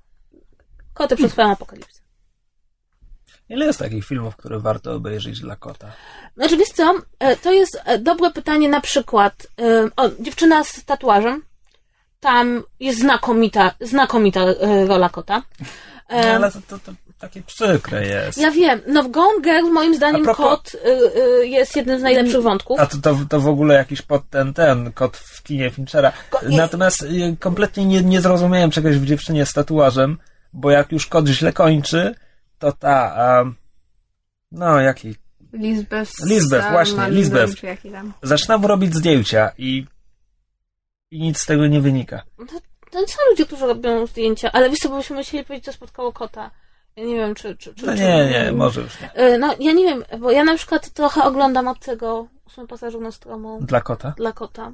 Y, Inside Llewellyn Davis też jest bardzo dużo o Tak, kocie. bo ogólnie ja myślę, że, że, że to jest bardzo dobry temat na, na, na jakąś notkę, na przykład na blogu, prawda, o tym, jak rude koty są w stanie przetrwać apokalipsy, atak obcych. Czasem się Magię. Tak, To i, i kot w kinie Dawida Finchera Tak. też był dobrym, dobrym tematem. Zacząłem się po prostu zastanawiać, bo jakbym powiedział, że miałem bardzo dziwny sen. Nagrywaliśmy podcast i nagle zaczęliśmy rozmawiać o rolach kotów w pod, w popkulturze i o najciekawszych rolach kotów w filmach. Każdy by uwierzył, że tak, to bardzo dziwny sen. Jakbyś nie zdawał sobie sprawy, z kim siedzisz w tym studiu. No więc idźcie, A poza tym tak słuchałem, kosogłosa dla słuchałem o kosogłosie i Katniss zaczęła mi się kojarzyć z Katnip i tak jakoś dalej samo poszło. No, idźcie na kosogłosa, zróbcie sobie własne zdanie, zwłaszcza, że ten film trzeba zobaczyć, bo następny prawdopodobnie będzie dużo fajniejszy. Mm. Bo, bo to, czego się teraz nam się nie podoba, to nie powinno mieć miejsca w drugiej części, Tak. trzeciej części Znaczy, ten, trylogii. ten, w ten brak emocji, który był teraz, jebnie z całym natężeniem w dwójce. Z dodatkiem powinniśmy go przeżywać w dwójce. Tak, Tak, zwłaszcza, że rzeczywiście trzeba autorce przyznać, że, że, że nie oszczędzała swoich bohaterów. Tak. I to mi się też zawsze u niej podobało i to było też to, co wywarło na mnie takie duże wrażenie, bo jednak znaczy, na mnie, jakkolwiek y, źle by to o mnie nie świadczyło o mojej jakoś naiwności jako widza czy czytelnika, ale na mnie zawsze bardzo duże emocjonalne wrażenie robi, kiedy autor zabija część swoich bohaterów bez żadnego Ale się em, nie dziwię, bo... oglądania się na, na, na to, jak bardzo ich kochamy. I między innymi przyznaję z tego względu lubię i, i Sapka, i Ahaję, i, i, i właśnie I wszystkich morderców. Przeszliśmy jakby bez ostrzeżenia z sekcji spoilerowej o pierwszej części Mockingjaya do sekcji spoilerowej o drugiej części Mockingjaya. Ale nie powiedzieliśmy, kto, kto źle ich traktuje, no. A, dobrze, koniec. People die. Rewolucja. Shit happens. Deal with it. Okej, dobrze, więc chyba już nie mam nic więcej do powiedzenia o Mockingjay. E, no, to dziękujemy za uwagę. Dzięki, dziękujemy zwierzowi, że się u nas zalągł, jak pleśń. I nie chce wyjść. Pomóżcie mi wyjść, pomocy. Powiadomcie służby ochrony zwierząt. E, I do usłyszenia w przyszłym tygodniu. Pa, pa. A, ja chciałem takie króciutkie ogłoszenia parafialne dograć. Ale no to No to dawaj 50 z P- PS. PS, tak. E, Teraz Krzysiek się będzie popisywał. o nie, to jeszcze później, e, bo najpierw ogłoszenie parafialne. Mm, chciałem tylko wspomnieć, że my mamy słuchaczy, którzy nie pochodzą z Avalonu. To słuchacze, którzy nie wzięli się z Avalonu, to e, polecam po pierwsze stronę marvelcomics.pl, bo o komiksach Marvela jest tam dużo i ciekawie i w ogóle bardzo fajnie. E, a ja jeszcze mam tam e, nową rubrykę o e, kostiumach komiksowych superbohaterów i Krzysiek jest faszonistą. Tak, tak, tak, jestem. Jest tą sz- szafiarką, blogerką. Rubryka nazywa się Super Szwalnia i w momencie, kiedy ten odcinek się ukaże, powinien być już drugi odcinek, więc to polecam. E, I jeszcze chciałem też zapełdzić ludzi na, na myszmasz.pl, gdzie ten przez rok opisywałem moją grę w X-Koma i wreszcie skończyłem. Więc jeśli kogoś to interesowało rok temu, kiedy zaczęły się pierwsze odcinki ukazywać, to, to jest odcinek ostatni. Jezus I to też polecam. od roku. No I jeszcze e, z, powinniśmy wspomnieć, e, zanim zapomnę, że e, pozdrawiamy tutaj Andrzeja, e, który nam zrobił dzień, bo się zorientowaliśmy, że mamy słuchaczy nawet w, e, nie, z niego, nie, nie jestem pewien, czy to jest Słowacja czy Czechy, ale gdzieś na południu e, za granicą, więc to nam bardzo zrobiło dzień. Pozdrawiamy. Tak, a teraz wracamy do twoich ogłoszeń. E, No i ogólnie polecam stronę myszmasz.pl, bo my tam rzadko, bo rzadko, ale jednak produkujemy jakieś teksty. Trochę moich, czasami trochę twoich. E, no, więc z moich to tam jeszcze ostatnio była polecanka komiksowa w ramach tego przybijania piątek komiksom. Cokolwiek to znaczy. Także ogólnie polecamy. Sie. Bo jesteśmy bardzo fajni. I bardzo lubimy I się bardzo klepać się po plecach. Tak. No, to teraz już Teraz- naprawdę kończymy i słyszymy się w przyszłym tygodniu. Słuchaliście podcastu Myszmasz. Możecie nas znaleźć na myszmasz.pl lub polubić nasz fanpage na Facebooku. Możecie nam także wysłać maila na myszmaszpodcast.gmail.com Jeśli do nas napiszecie, będziemy szczęśliwi jak rudy kot w chlebaku. To teraz szybko na koniec e, sztuczka. E, Magiczna bonus. tak, sztuczka magiczna, bo dostaliśmy w, mail, e, w mailu pytanie, czy na antenie podcastu Krzysiek dałby radę wymienić tak z pamięci 50 X-Menów. Podobno jest to możliwe, o czym czytamy w stopce redakcyjnej Myszmasza w zakładce o nas. Więc jak da radę, chciałbym ten fakt tylko potwierdzić. O to grzecznie proszę. No więc my, my, my służymy jako świadkowie, że Krzysio A. nie korzysta z żadnej ściągawki i mówi z głowy i B. że się nie, będzie, powtarza. I to nie będzie edytowane. Tak. O, już mógłbyś mi wyedytować, jak zacznę się zastanawiać. Nie, masz wymieniać z pamięci. E, a- Zwierzu, uważaj, look a magic trick. Okej, to wy sprawdzacie, czy się nie powtarzam i jeszcze ktoś to musi liczyć. Ja będę liczył. Dobra. Ja będę sprawdzać, czy się nie powtarzasz. Okej, no dam. 3, 2, 1. Profesor Xavier, Angel, Beast, Cyclops, Iceman, Jean Grey, Havoc, Polaris, Sunfire, Banshee, Storm, Wolverine, Nightcrawler, Colossus, Thunderbird, e, Shadowcat, Psylocke, e, Dazzler, Longshot, Rogue, Gambit. Mm, fuck. E, czekaj, miałem w głowie po A, jasne. E, Magneto, Cannonball, Sunspot, Magma, e, Mirage, e, Magic, e, Legion? Niech będzie Legion. A... Okej. Em, dobrze, proste. Chamber, Husk, M, Ech, Northstar. Mm, wchodzimy w tych dziwnych. E, Cable, Domino, Karima Shapandar, Lady Mastermind, Mystic, bo czemu by nie, e, X23, Anol, Rockslide, Dust, Surge, Helion, Elixir, um, Morph, Tempus, Gold Balls, nie pytajcie.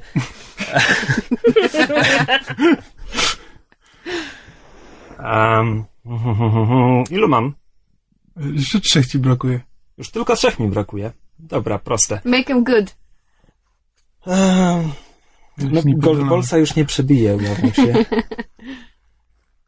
E, czekaj, oczywiście. Um, triaż Morfa wymieniłem? Tak. My bad. Hijack. Mm, niech będzie Shark Girl. Nice. Mam wrażenie, że mógłby wymienić jakiekolwiek słowo. Nie no, ja, ja, ja kojarzę tak 95% tych X-Menów, które wymienił. A ja w domu muszę sprawdzić, czy rzeczywiście to było 50. Dogra jeszcze parę górką A czy był Apokalips? Mam wrażenie, że nie był Apokalips. Ale on nie jest X-Menem. X-Menem. A, no też Nie chodziło o mutantów, chodziło o X-Menów. A, no, a, rzeczy, To- a to rzeczywiście. wszy- Wszystko, co wymieniłem, to X-Meni. A, dobrze, okej, przepraszam, pomyliłam mutantów z X-Menami. Squirrel Girl? Ewentualnie Nie, rekruci, Squirrel ale Girl nie jest X-Menem, czy jest X-Menem? nie jest Nie X-Men. jest X-Men. Jeszcze.